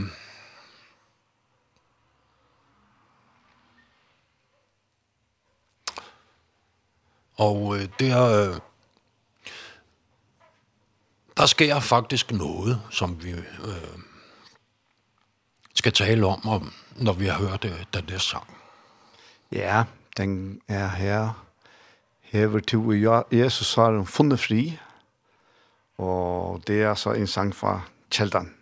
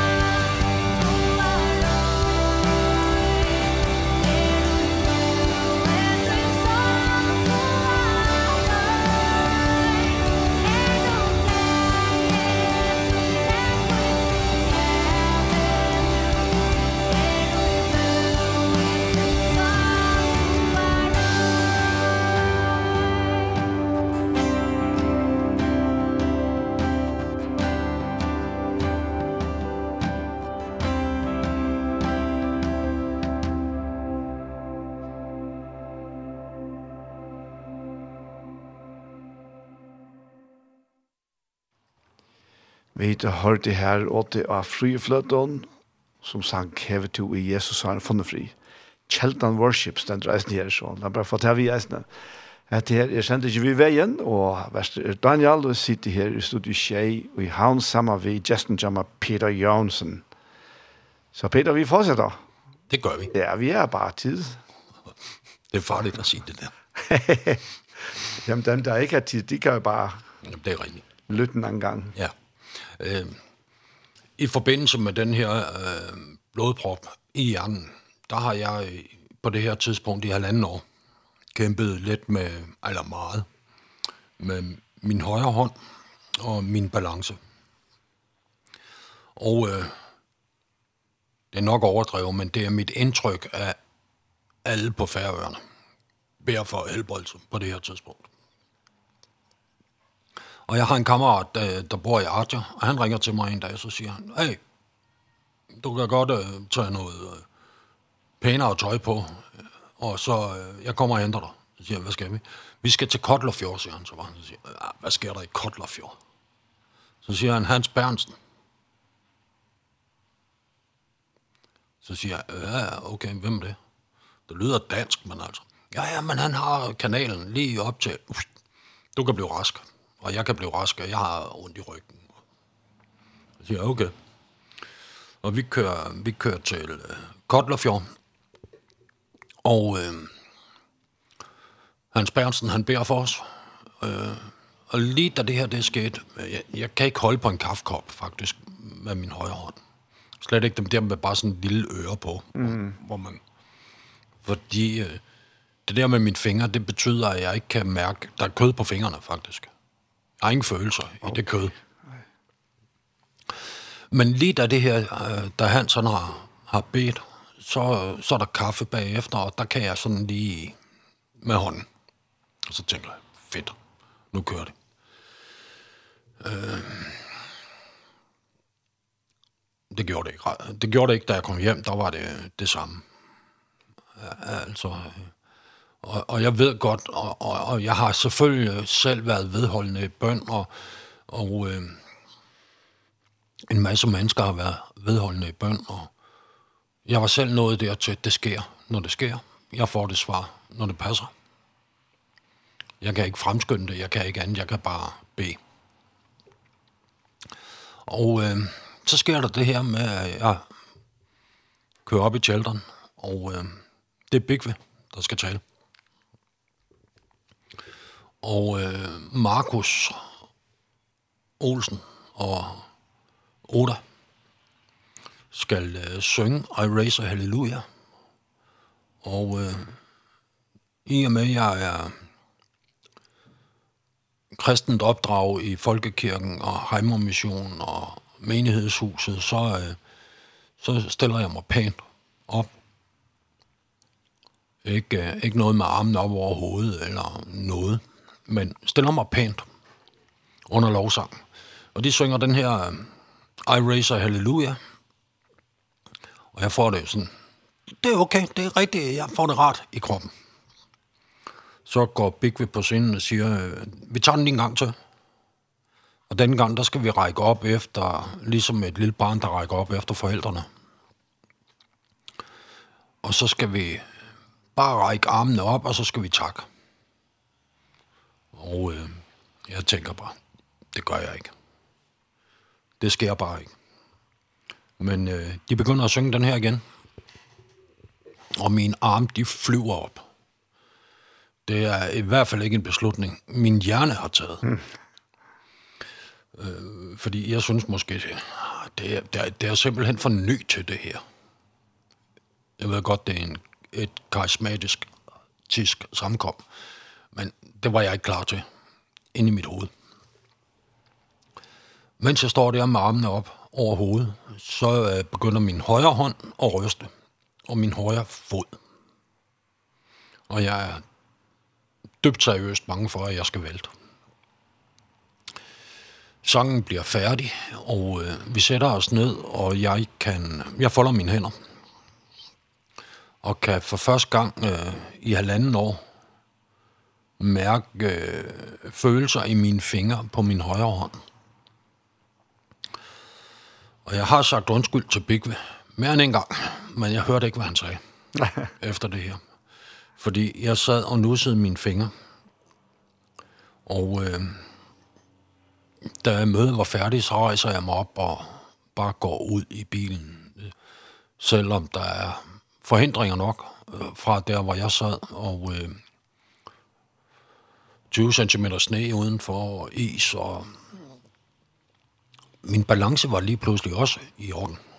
Øh, og øh, kører hjem til Kalbak og ser som møde, så, så jeg blev nødt til at gøre et eller andet for, for at se, hvad han havde sagt, Bigve. Går der ikke ret lang tid, så øh, ringer Andreas Hansen, til mig, og så siger han, ja, du lyder sådan lidt mærkeligt, hvad laver du? Jeg står op og er ved at tage bukser på, med telefonen på skulderen og hovedet ned på. Det var utænkeligt ind, mm. inden øh, det skete op i Children. Altså, jeg sad ned og tog strømper på, og nu stod jeg op og prøvede på at tage bukser på. Eller jeg gjorde det. Så Gud er god. Så, så du var faktisk fuldkommen helbredt? Fuldstændig. Fullstendig? Fullstendig. Wow. Ja. Så. Fantastisk. Så, øh, ja. Gud er god.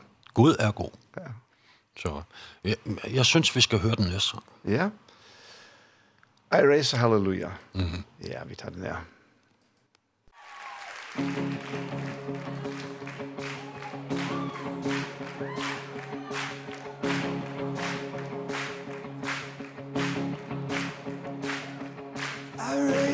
high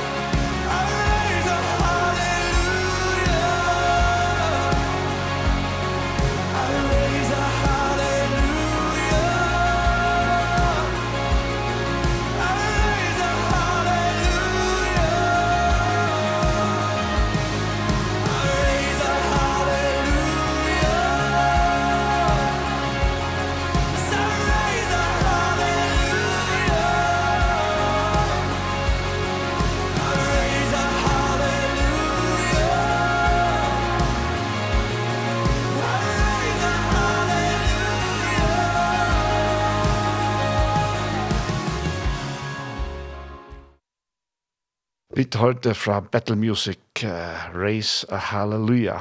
Og hette er sendingen vi veien verste er Daniel og Justin Jammer er Peter Jørgensen. Du Peter, den der sang, ja. det var en sang der betyder meget for dig. Ja, det gør det, og øh, jeg har lige øh, for ikke så længe siden været til, til et møde i havn. Jeg skal nok komme nærmere ind på, på det, hvor den blev sunget og jeg græd. Øh, jeg, og jeg græd, mens den blev sunget, og jeg fortsatte med at græde. Så den betyder meget, fordi øh, det, det er ikke sangen, der har helbredt mig, det er Gud, mm. der har helbredt mig. Men han gjorde det til den musik. Ja. Al altså, og lige i det øjeblik, øh, øh, det, det er jo fantastisk. Jeg blev helbredt ja. den dag i Children. Ja. Der er ikke noget med, at det var på vejen, det var ikke... Og, og, og der var ikke... I forbindelse med mit vidnesbyrd kan jeg godt have næ nævnt det der med... Det tror jeg... Nej, det har jeg ikke engang. For jeg har en blodprop, og det er det. Mm. Øh, så... Øh, det er bare Gud, der ja. bare... Men ja, Gud er god. Han er så god. Og Gud bestemt musikken til, da jeg skulle have et bøndesvar. Ja. Det er, og den betyder stadigvæk meget for mig. Men da det her det sker i Charlton, så sker der også det, og, og det er jo ikke kun det, der sker øh, inde i salen, det er også det, der sker øh, til kaffen, og de der øh, kærlige mennesker, der øh, stadigvæk udfordrer mig. Og ikke presser på, ikke trækker i mig, ikke vil have Peter til at komme her fordi øh, nu har jeg fortalt vidnesbørg, så er jeg, så, så er jeg deres. Øh, sådan er det ikke. Det er, hvis du vil være her, Gud vil have dig her, så er du velkommen. Mm. Hvis ikke du vil være her, så er fred med det. Men det gjorde altså alligevel, at jeg tænkte, okay. Øh, jeg har kun oplevet gode ting i det hus. Mm. Jeg har følt helligånden. Og øh, jeg beslutter og øh, ryk fra Folkekirken og menighedshuset øh, til Tjeldren. Og øh, det er ikke nemt. Det var ikke en nem beslutning at tage. Muligvis var beslutningen værst for mig. Mm -hmm. Fordi min samvittighed sagde, at øh, jeg skulle komme i menighedshuset og i folkekirken. Men Helligånden sagde, at jeg skulle det andet. Mm. Og jeg har aldrig været, selvom det har været en svær beslutning, jeg har aldrig været i tvivl om, at det var det, jeg skulle på det tidspunkt. Det var det, Gud ville med mig ja. på det tidspunkt. Så øh, det gjorde jeg. Og øh, øh, min ven Anders igen. Han siger til mig, du skal aldrig, hvor jeg fortæller om det her med armene, så siger han, du skal aldrig tage dem ned. Du skal aldrig tage dem ned. Og øh, der er også en, øh, en, der ejer nogle busser i havnen, der siger i menighedshuset, du skal aldrig tage armene ned igen. Mm, ja. Og det har jeg, øh, jeg, har ikke, jeg har ikke taget dem ned siden. Og øh, det, jeg oplever, i øh, lovsang, under lovsang, det er, at jeg øh, får direkte kontakt til øh, Helligånden, og jeg er nærmest i trance. Jeg er bruger tid på at bede tunger. Mm. Jeg bruger på at bede på dansk. Og øh, når jeg har gjort, når jeg har været igennem en, en, et møde, hvor der har været lovsang, og jeg har fået lov at stå med armene op og tak for det, der er sket for mig, mm -hmm. øh, så er batterierne genopladet, og jeg er klar til, hvad der kommer udfordringer den næste uge. Nogle gange lidt længere tid, men, men som udgangspunkt, så øh, prøver jeg på at komme til møde om søndagen og øh, har haft nogle fantastiske gode venner. Har stadigvæk i Children. Har stadigvæk i menighedshuset. Har stadigvæk i folkekirken. Og øh, det kan godt være det, er, fordi jeg bare nægter at sætte i øjnene, men jeg har lidt den indstilling, at jeg kan komme, hvor det passer mig. Mm -hmm. Og føler mig velkommen. Ja. Og om det er det ene eller det andet sted, om det hedder. Brødresamkom, om det hedder Chelton City Church, ja. Folkekirke, Missionshus. Mm. Øh, så, så det er, det er jeg dybt taknemmelig for. Vi skal jo alle være sammen i samme himmel en gang. Det skal vi. Prøv, der var en, der sagde til mig for ikke så længe siden, øh, øh, vi, vi har et møde om tirsdagen jeg ved godt, nu kører jeg lige lidt frem. Nej, om mandagen hedder det. Øh, kører lige lidt frem. Jeg skal nok hoppe tilbage. Øh, her i Niels Svendsen, over under Blå Korsbutikken. Og det er et møde for alle. Øh, det drejer sig om Jesus. Om man, øh, der kommer nogen og taler. Taler og taler, holder en andagt. Kvarter 20 minutter. Så er der noget sang, og der er, jeg velsignet med en masse musikere, øh, der kommer, og, og de kommer spredt ud over hele havnen. Uh, altså, der er City Church, der er Children Folk, der er... Jeg ved godt, det ikke ligger i havn. Men, men og der er... Øh, menighedshuset. Menighedshuset, og de har beriget os med et kor en gang imellem. Og, og alle er der, og måske er jeg bare naiv, men alle er glade. Ja. Og øh, jeg, jeg ser det bare som Gud er god. Øh,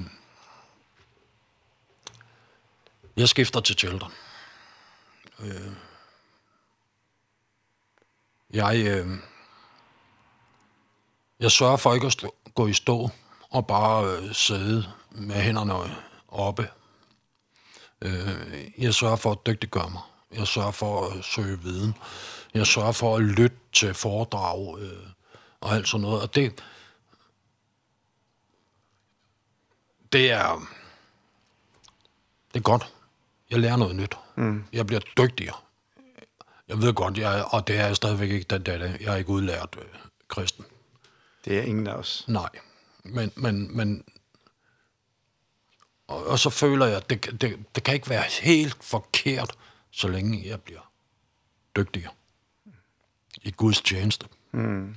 Og der er nogle gange nogen, der er kommet og sagt til mig i Tjaldren, skal du ikke snart missionere? Så, der har jeg svaret flere gange. Det gør jeg hver dag yeah. i havn. Yeah.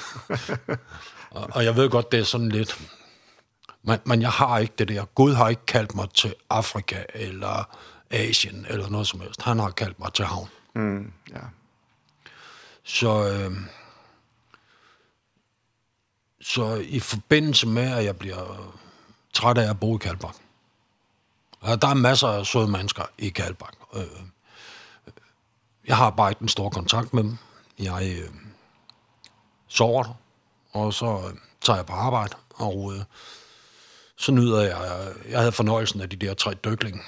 Oh, ja, ja, ja. Øh, og en springer. Øh, og det var jo fantastisk. Og øh, Og nu bliver det lidt fornærmet på mig i Kalbak, ikke? men jeg tror jo, det er Gud, der bestemmer. Og den dag, jeg så kan sagde, det ikke blive fornærmet? Nej, men, men lidt alligevel. Men, den dag, jeg sagde lejligheden op, det var den sidste dag, dyklingene var i Kalbaksfjord. Okay, okay, ja. så, ja, der er ikke noget men. Gud er god. Men øh, jeg flytter til Arja, så en lejlighed, om søndagen. Bliver tilbudt øh, at komme ud og se den om tirsdagen. Og øh, skriver lejekontrakt om onsdagen. Og øh, ham jeg bor hos, han havde spurgt så lidt rundt i Arter, fordi han siger, du er den eneste, der skal ud og se den. Og øh, det kan jeg ikke forstå. Hvor, hvorfor det? Jamen, jeg har spurgt en, og han siger, god for dig, så det, Du får den, hvis du vil have den, og jeg vil gerne have den. Skrev lejekontrakten. Og det viser sig ham her, der har sagt god for mig. Han er nabo til Bergur. Ah ja. Og han kommer i menighedshuset om her. Ja. Og da jeg skulle have den lejlighed i Kalbak, der ham... Jeg var ærlig at sige, at jeg sad i fængsel og sådan noget, da jeg var ude at se lejligheden. Og så siger han, jamen det er fint med mig, men det kan godt være, min kone, jeg bliver lige nødt til at høre konen, da hun er fra Filippinerne, og de ser måske anderledes på det. Jeg synes, når du har udstået din straf, så kan du også bo her. Og så ringer han til mig, og så siger han, jeg ved, du er gode venner med Bergård og, og Svær Steinholm. Kan du få en af dem til, kan jeg få lov at ringe til en af dem? Ja, det, øh, ringer jeg til Bergård og siger, øh, hvis nu ham her han ringer, så skal du ikke som præst udtale dig men som min ven. Fordi hvis man ringer til en præst og siger, hvad synes du om ham der? Så er der tavshedspligt. Ja, ja, ja. Men, men alt andet lige, jeg fik lejligheden i Kalmark. Og nu her, der er det øh, en mand fra menighedshuset, der bor lige ved siden af Bergård, der siger, god for mig her. Altså, så Gud er god. Ja. Øh, jeg har... Øh, efter det der tunnelsarbejde, der, der fik jeg job med at sætte præster og rydde op og, og, og sådan noget i landsværk, hvor jeg hørte til i Kotlerfjord. Og øh, på et tidspunkt kommer jeg i menighedshuset, og der er en, der siger til mig, hvad laver du øh, lige for tiden? Og jeg siger, jeg slår præster ned. og øh, det siger hun så, det er en dame, det er Amgard Steinholm, der siger det, spørger mig om det her. Og så siger hun, kan vi ikke blive enige om, det hedder at sætte præster op? ja, netop. jo, det kan vi da godt. Og der går måske 14 dage, inden jeg møder han igen i menighedshuset. Og hvad laver du nu? Jeg hjælper præster op. så, så jeg havde da alligevel fået tænkt over, at det hedder ikke at slå præster ned. Netop. nej. Jeg nød det her arbejde og havde det, det godt. Øh, masser af frisk luft masser af regn. Og øh, egentlig ikke søgt noget andet arbejde, men en dag så ringer telefonen. Jeg går og keder mig. Jeg går og har ikke så travlt i, øh, i Kotlerfjord, og telefonen ringer, og det er en, der arbejder i Lindgøtte, der, der spørger om, en, der er leder i Lindgøtte faktisk på det her tidspunkt, der spørger om ikke, jeg kunne tænke mig at blive afløser deroppe. Og øh, det siger jeg, jeg vil hellere være fuldtidsansat. Mm. Ah, men det må vi se på senere, siger han så bare, men om ikke jeg kan komme til en jobsamtale. Jo, oh, det fik jeg arrangeret, det kunne jeg godt. Og jeg bliver ansat. Fuldtids? Nej, deltids. Så øh, sammen med mit job i landsværk, det passer med, at jeg kan køre direkte fra arbejde i landsværk og så til, på det her tidspunkt lave øh, de ansatte mad og, og sådan noget til dem, der boede der. Lave mad og, og det, der ellers skulle laves, og sove der, og så stå tidligt op og køre på, til landsværk. På det her tidspunkt, der, der, der var det sådan, så jeg fik jo løn for at sove.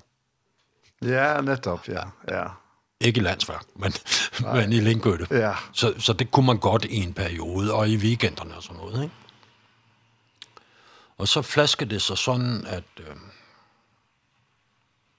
at jeg på et tidspunkt siger, jeg kunne godt tænke mig at blive øh, fuldtids her. Og øh, ja, men det, det skal man lige beslutte i landsværks. Nogle chefer og noget. Og øh, på det her tidspunkt, der, der, der er jeg i gang med at male nogle pile på vejen sammen med øh, Steindor i Alserling. Og vi kører rundt op ved Strimnes i det område der, hvor han øh, lige kommer til at... Han kommer lige i tanke om, hey, hvad med det arbejde der? Har du ikke hørt noget? Så siger han, nej, men det kan komme, hvornår det skal være. Vi beder lige for det, siger han så bare. Øh, indtil siden, han lægger hånden på mig, og han beder, og han beder og han beder, og jeg beder, og vi siger ammen. Så skal vi ligesom videre med arbejdsdagen, og han blinker ud til venstre. Så ringer min telefon, hvor der bare bliver sagt, at øh, du kan godt sige op i landsværk, du er fuldtidsansat. og øh, wow. øh, jeg kan bare sige, Gud er god, igen. Ja. ja. Og, øh, og det endte op med, at jeg faktisk kørte hjem og sagde op i landsværk øh, for at blive fuldtid i, mm. i Lindgøne. Wow, og ja. det, er, øh, det er... Mange vil sige, det er et arbejde. Det er, for mig er det et kald. Ja. Og øh, det er fantastisk at få lov at... Jeg ved godt, jeg får løn for det, ikke? men jeg får alligevel lov til at give noget tilbage til Blå Kors, mm. som jeg har fået. Altså. Og så er det fantastisk at arbejde med mennesker. Ja.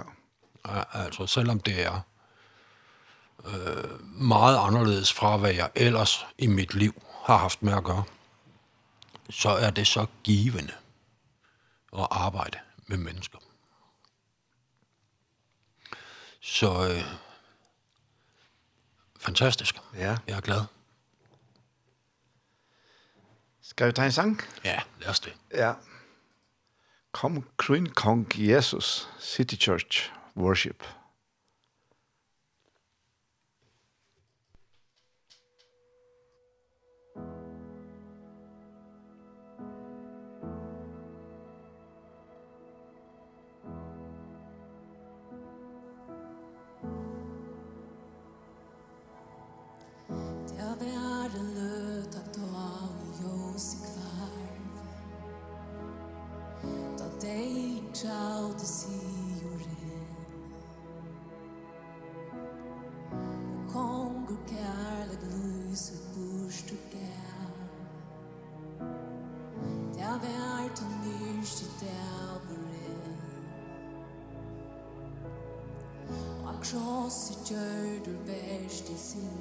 varlar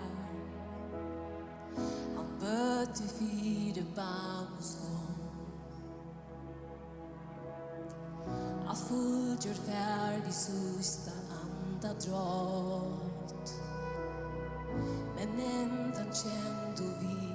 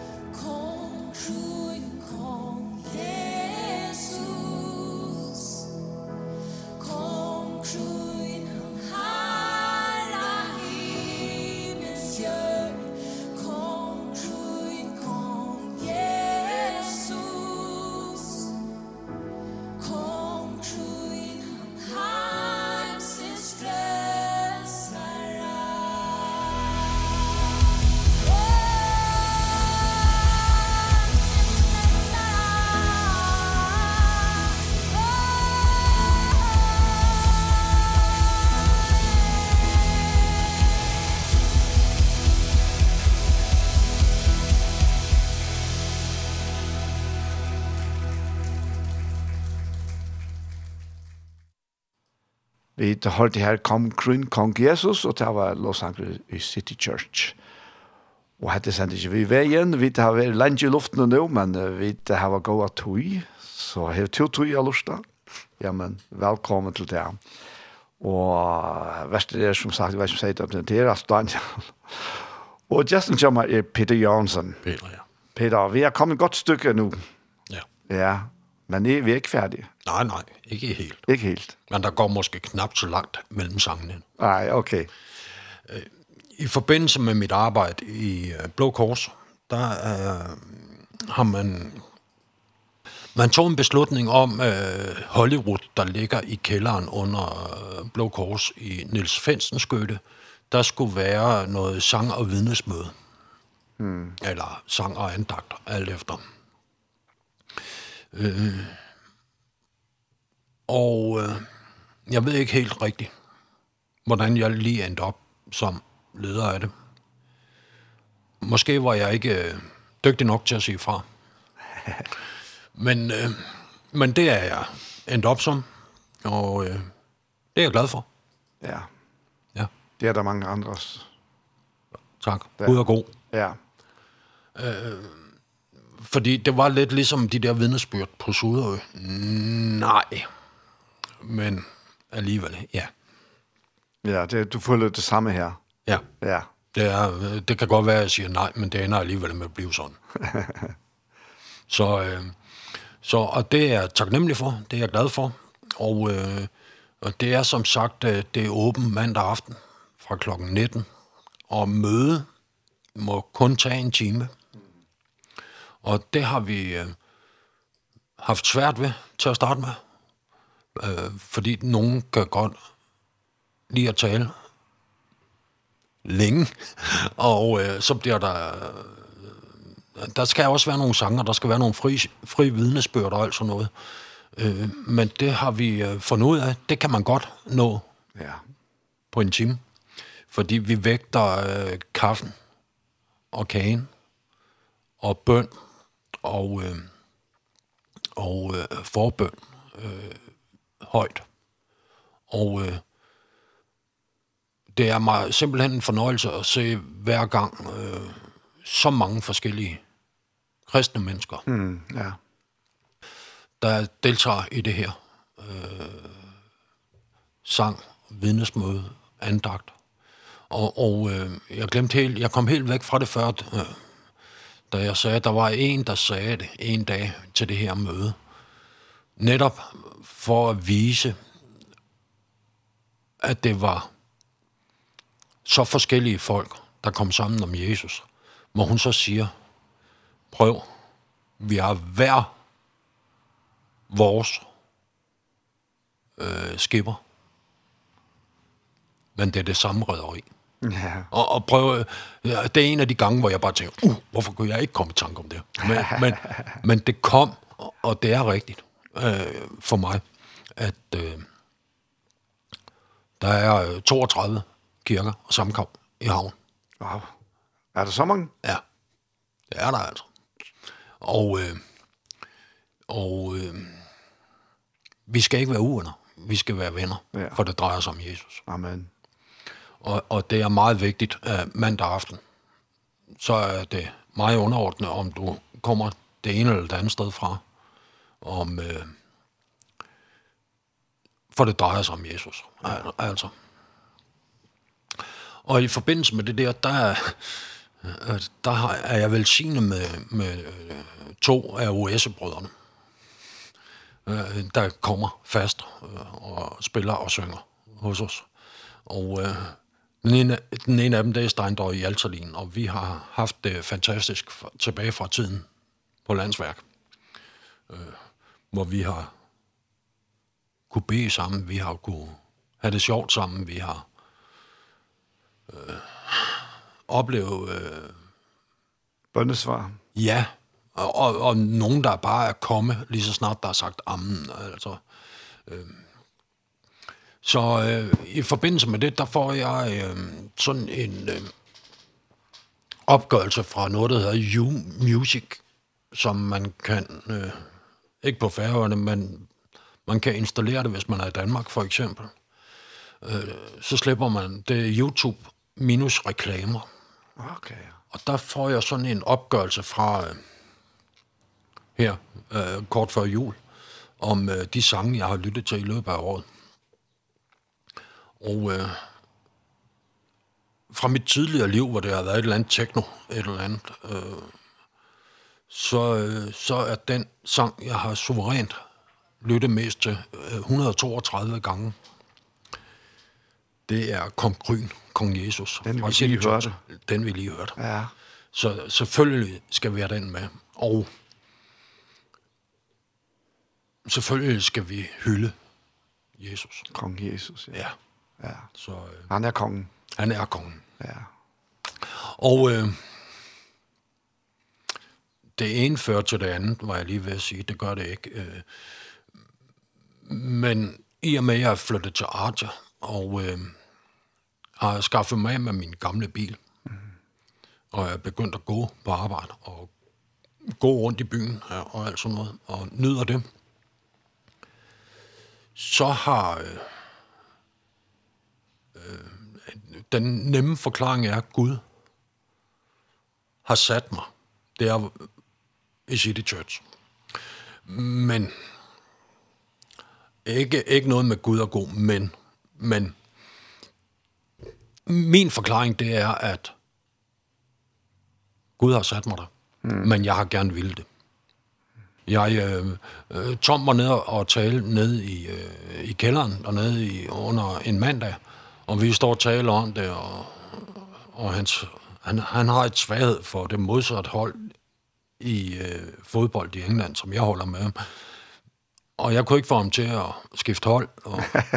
Og, og efter han har holdt en fantastisk andagt, øh, så siger han, hvad, kommer du i Children? Så siger jeg, ja, så længe jeg har bil. Så siger han, hvad mener du med det? Så siger jeg, når jeg skal bruge mange penge på den bil, så skrotter jeg den bare. Mm. Nå, siger han så bare. Så siger jeg, ja, og prøv. Jeg har besluttet, hvis jeg skal gå i kirke i øh, Torshavn, så bliver det i City Church. Og så siger øh, Tom noget. Udover at han holder med Liverpool, så siger han altså noget endnu mere mærkeligt til mig. Så siger han, nej, du skal fortsætte med at gå i kirke i Charlton. Igen det der, Ikke noget med at trække i mig. Men sige, gør nu, som du hele tiden har, som du har det bedst med. Og øh, så går der lidt tid, og jeg øh, tænker, nej, Tom, skal du alligevel ikke bestemme? Fordi jeg har lyst til at komme og række armene op i City Church. Mm -hmm. Jeg har lyst til og høre I Hallelujah og stå og græde, mens den er der. Jeg har lyst til, at når jeg hiver armene ned, så er mine batterier ladt op. Mm. Jeg har lyst til den måde folk, på trods af at Tom der siger, nej, nej, så har folk altså taget imod mig med åbne arme, arme og kærlighed, som jeg dog også har oplevet de andre steder, hvor jeg har gået i kirken. Mm. Både i folkekirken, og i Children. Ja. Og nu i City Church. Og selvom det er forskellige alle tre steder, så er det dejligt at møde den kærlighed. Jeg ser det ikke som om, at jeg flytter. Jeg ser det som om, jeg udvikler mig. Mm, lige præcis. Og lige nu, der har Gud sat mig ja. i City Church i havn. Amen. Så jeg synes, vi skal tage det næste stykke musik. Ja. Og det var Linda Randall, One Day at a Time. Du har jo selv sat mig op i den her rækkefølge. Ja, øh. Det har jeg glemt at sige. Åh, oh, okay. Ja. Ja. Men hun kommer her.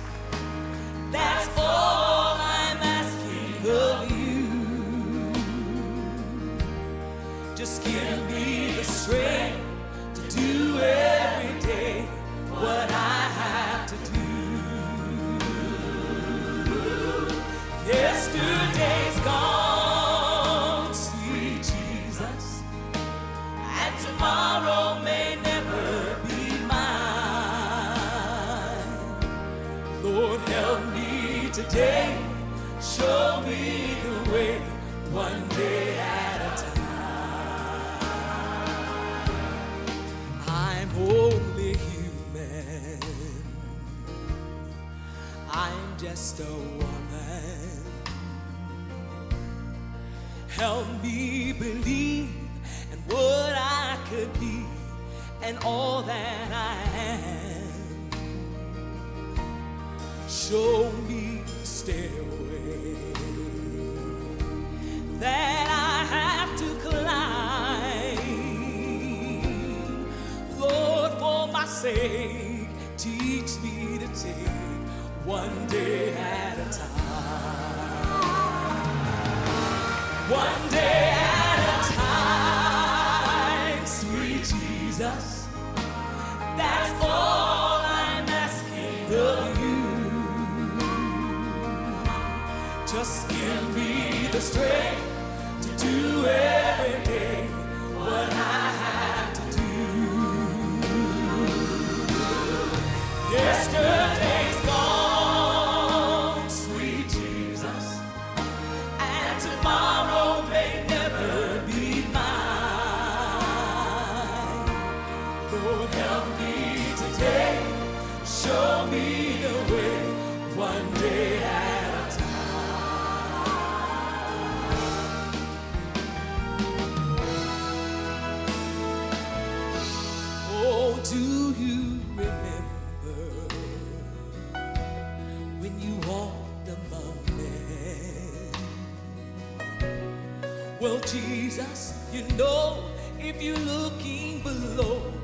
that it's worse now than then.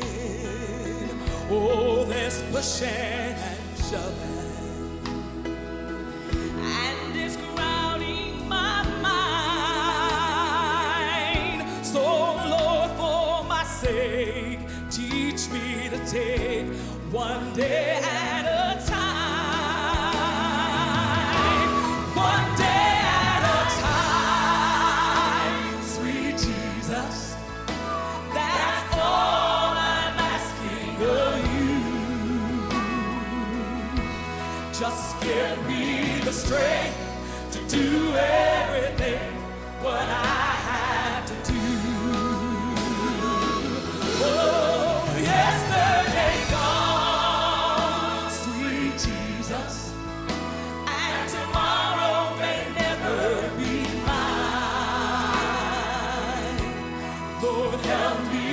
today show me the way. Why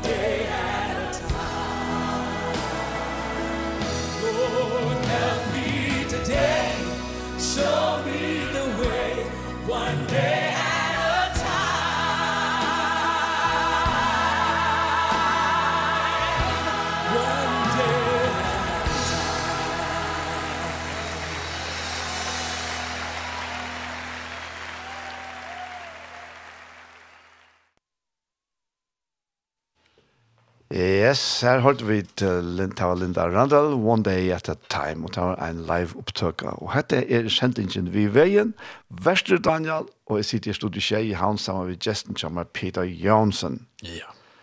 Og vi liksom begynner sånn litt elendig nå, Peter. Ja, det er vi.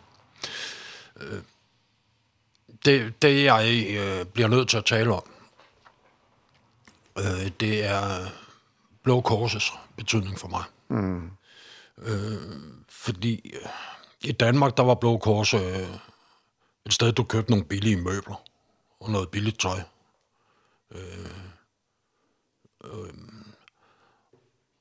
og så var det et eller andet med nogle alkoholikere på det her tidspunkt, der bare gik til nogle møder. Det var, hvad jeg vidste om Blå Kors. Mm. Og øh, der vil jeg sige, øh, ud over selve færøerne, så skal jeg love for, at Blå Kors har åbnet sig op og taget mod mig med åbne arme. Ja. Og øh, det har de... Øh, men øh, fantastisk øh, med Gud, der sætter mig i Lindgøte, øh, da jeg ikke har nogen andre steder at være, mm. faktisk. Jo, jeg kunne rejse hjem til Danmark. Det var dybest set alternativ, hvis ikke de havde gjort det. Så det er jeg dybt taknemmelig for, og jeg er dybt taknemmelig for de kvinder, der holdt mig der arbejdede der, der holdt mig til korset. Sørgede for, at jeg kom i Heimermissionen på mandsleven. Sørgede for, sørgede for, at jeg blev kørt i kirken, når det var dårligt vejr. Og stillede, stillede nogle krav til mig. Måske ikke så meget kristelige krav, men øh, lærte mig at skrælle kartofler, pille kartofler. Øh, holdt øje med mig, når jeg var dum, sagde noget dumt, i rette satte mig, opdragede mig. Så det er jeg taknemmelig for. Men øh, hele Blå Kors som organisation er jeg taknemmelig for. Mm. Og øh, på grund af, af, af Lindgøte, på grund af Niels Fensens Gøte, jeg har været med til at lave i stand, på grund af, at, at øh, de der møder mandag aften, øh, Jeg er stor modstander af, det hedder møder, det hedder det ikke, det hedder sang og andaks. Mm. Ja. Løde. Fordi vi må ikke konkurrere øh, med de der 32 andre. nej, nej. altså, ja, men det, det ligger mig meget på sinde, at vi, at vi ikke gør det. Det er et sted, hvor vi alle sammen kan komme, bare vi tror på. Ja. Og arbejde fra samme redder. Lige præcis. Så, og øh, Jeg har jo også haft fornøjelsen af, at de forskellige alskrivere, der har været i den tid, jeg har været i Blå Kors, samarbejdet med Darko i øh, Niels Svendsens Gøte mm -hmm. og Edvard Nu kvæg øh, mit arbejde i, øh, i Lindgøte og øh, i forbindelse med øh, landsindsamlinger og sådan noget. Så det er jeg også taknemmelig for, fordi det er folk Jesus sætter på min vej. Så øh, det er jeg glad for. Ja, Peter, og, og, jeg sidder her og tænker, ja. når vi nu har hørt din fantastiske historie, ja. hvor vi uh, har begyndelsen, ja. hvor der kommer en, en um, åndelig set uh, tomme mand. Mm. Og aner ikke, hvorfor i grunden, hvorfor det er på færøerne i hvert fald. Du kender ingen. Nej. Og øh, man skulle ikke tro, at øh, sådan som vi almindeligvis forstår religion, så plejer det at være, at man skal gøre sig fortjent til at få noget. Men ja. det er jo ingenting af det hele der. Nej. Og nu har du været her i hvor mange år? Syv år. I syv år. Ja. Og det er jo en helt ny Peter, vi har her. Det er en anden Peter i hvert fald. Ja, en, en anden ny. Peter, ja. ja. En anden udgave af Peter, ja. eller hvad skal jeg sige? Det er det. Ja. Og, men, men selvom det er en anden udgave af Peter, så gør Peter hvad, alt, hvad han kan for ikke at leve op til hans navnebror i Bibelen. Nej. der er hissig og påståelig og alt sådan noget. Og jeg ved godt, der er nogen, der siger, der er nogle gange, det lykkedes bedre at få det væk, fordi jeg kan stadigvæk være påståelig mm. og, og så videre. Og jeg kan godt se, når jeg læser om Peter i Bibelen, jeg kan godt se, det er ikke et tilfælde, at jeg hedder Peter. nej, nej, netop. Men, men jo, det er et nyt menneske. Ja, ja. ja. Jamen, vi fik jo også en forvandlet Peter i Bibelen. Ja. Altså, ham, ham der ikke skulle svigte, det er rigtigt. svigtede. Det er rigtigt. Men det var den samme Peter, Ja. Det er på faktisk den største dag i historien efter opstandelsen står frem og, og siger, hvad er det, der sker her? Jo, det er helgenen, der kommer. Ja. Der er kommet. Det er rigtigt. Og det er jo hemmeligheden i det hele. Ja. Ja, men, men og, og det er en ting, jeg øh, det første stykke tid ikke forstod heroppe. Jeg, i, der var mange ting, jeg ikke forstod i kristendommen og alt sådan noget. Men, men og det der med Helligånden, det var i min, min første lærerperiode. Øh, ikke sådan noget, jeg lagde mærke til. Jeg, jeg opdagede det for alvor øh, i Children. Ja. Under helbredelse. Mm. Øh, og, og, og prøv, det har været siden, når jeg har dyrket lovsang. Ja. Ikke fordi jeg synger, men jeg, jeg, kan, jeg stikke armene op, og jeg kan bede øh, der, der oplever jeg Helion ja. på en helt fantastisk måde, ja. som jeg ikke kan beskrive. Men det var den samme ånd, der gav dig de drømme der. Ja, det, det ved jeg godt. Men... Og det var den samme ånd, der fik dig til at bare ligge der i fosterstillingen. Ja, det var det. Ja, men han kendte dig. Ja. Du kendte ikke ham. Overhovedet. Endnu, men nu gør du. Jeg, jeg er i hvert fald nået et stykke på vejen. Ja. Til at... Ja. Ja, men ja, ja vi vi er, vi er, vi bliver ikke udlærte som som mestre her. Det tror jeg ikke. Nej, jeg, det er først, jeg, jeg gør ikke. Vi får først vores svendebrev, når vi kommer til himmel. Ja, det gør vi. Ja. Så. ja. Peter, jeg, jeg er så taknemmelig for, at du kom her. Tak. Jeg ved, at du har en sang, som vi skal slutte med. Ja. Du må sige lidt om den. Okay. Det er en, det er en sang, der betyder meget, rigtig meget for mig. Det gør alle de sange, vi har hørt i dag. Men den her, den er helt speciel, fordi det er sådan en, når jeg har taget livsændrende beslutninger, som for eksempel, vil du til færøerne og sidde i fængsel? Eller andre svære situationer, hvor jeg er kommet hjem, det kan godt være, at jeg øh, føler, at det er rigtigt, da jeg skal til Færøerne og høre den sang her, at når jeg kommer til Færøerne, så er jeg kommet hjem. Og det er en fantastisk sang, og det er Sanne Salomonsen, der synger den. Og øh, jeg plejer at være god til at græde til den, fordi den betyder meget. Mm. Og sidst jeg hørte den, og grunden til den, den skal spilles nu, det er sidst jeg hørte den. Det var da jeg kom hjem i City Church. Men den passer også til, at jeg kommer hjem på færgerne. Jeg kommer hjem i Blå Kors. Jeg kommer hjem i Arja. Og jeg er kommet hjem i City Church. Så derfor skal vi høre den sang. Ja. Peter, tusind tak for, at du kom. Det er mig, der takker. Det er været så godt at høre dig. Takk. Vi tver så enda jeg ser sendingen av vi, jeg kom lukke inn etter og slå til helt av ta, og vi tar hva hørst, ser Sanne Salmonsen, vi her er ditt liv.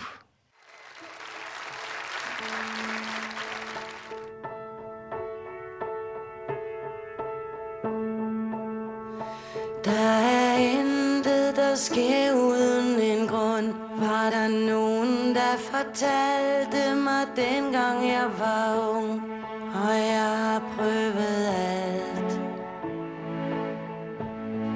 Og selv hver gang jeg faldt Rejste jeg mig op igen. Og jeg kan vise jer På min krop og på mit sind. Jeg har prøvet alt. Jeg har prøvet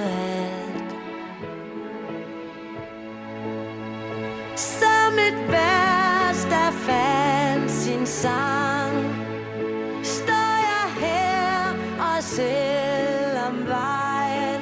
Den var lang Så er jeg kommet hjem. Så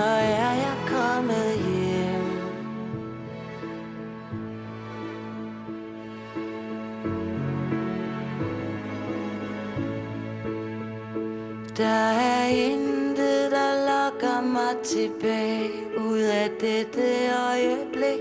Denne time, denne dag For jeg er landet her. Og jeg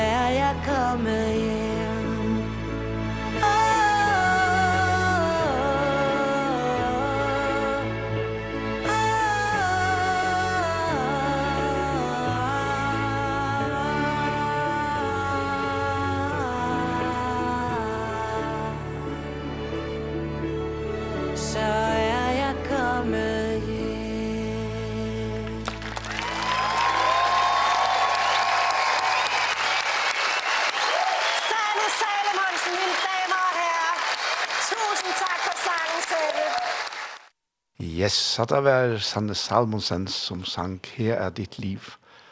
Og det var sangeren tja, eller er sangeren tja, Peter Jonsen.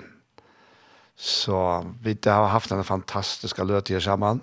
Ja, det har vært lengt, men uh, akkurat som det skal være.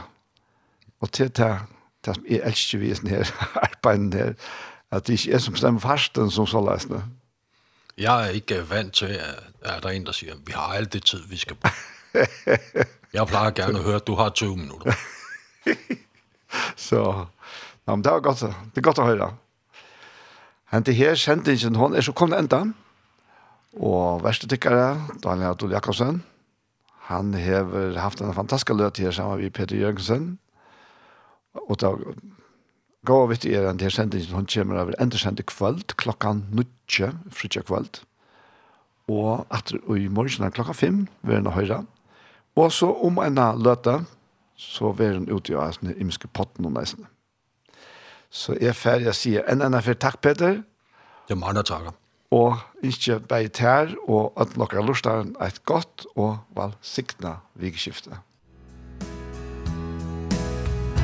Takk for dokter ting til ikke, ein så hansen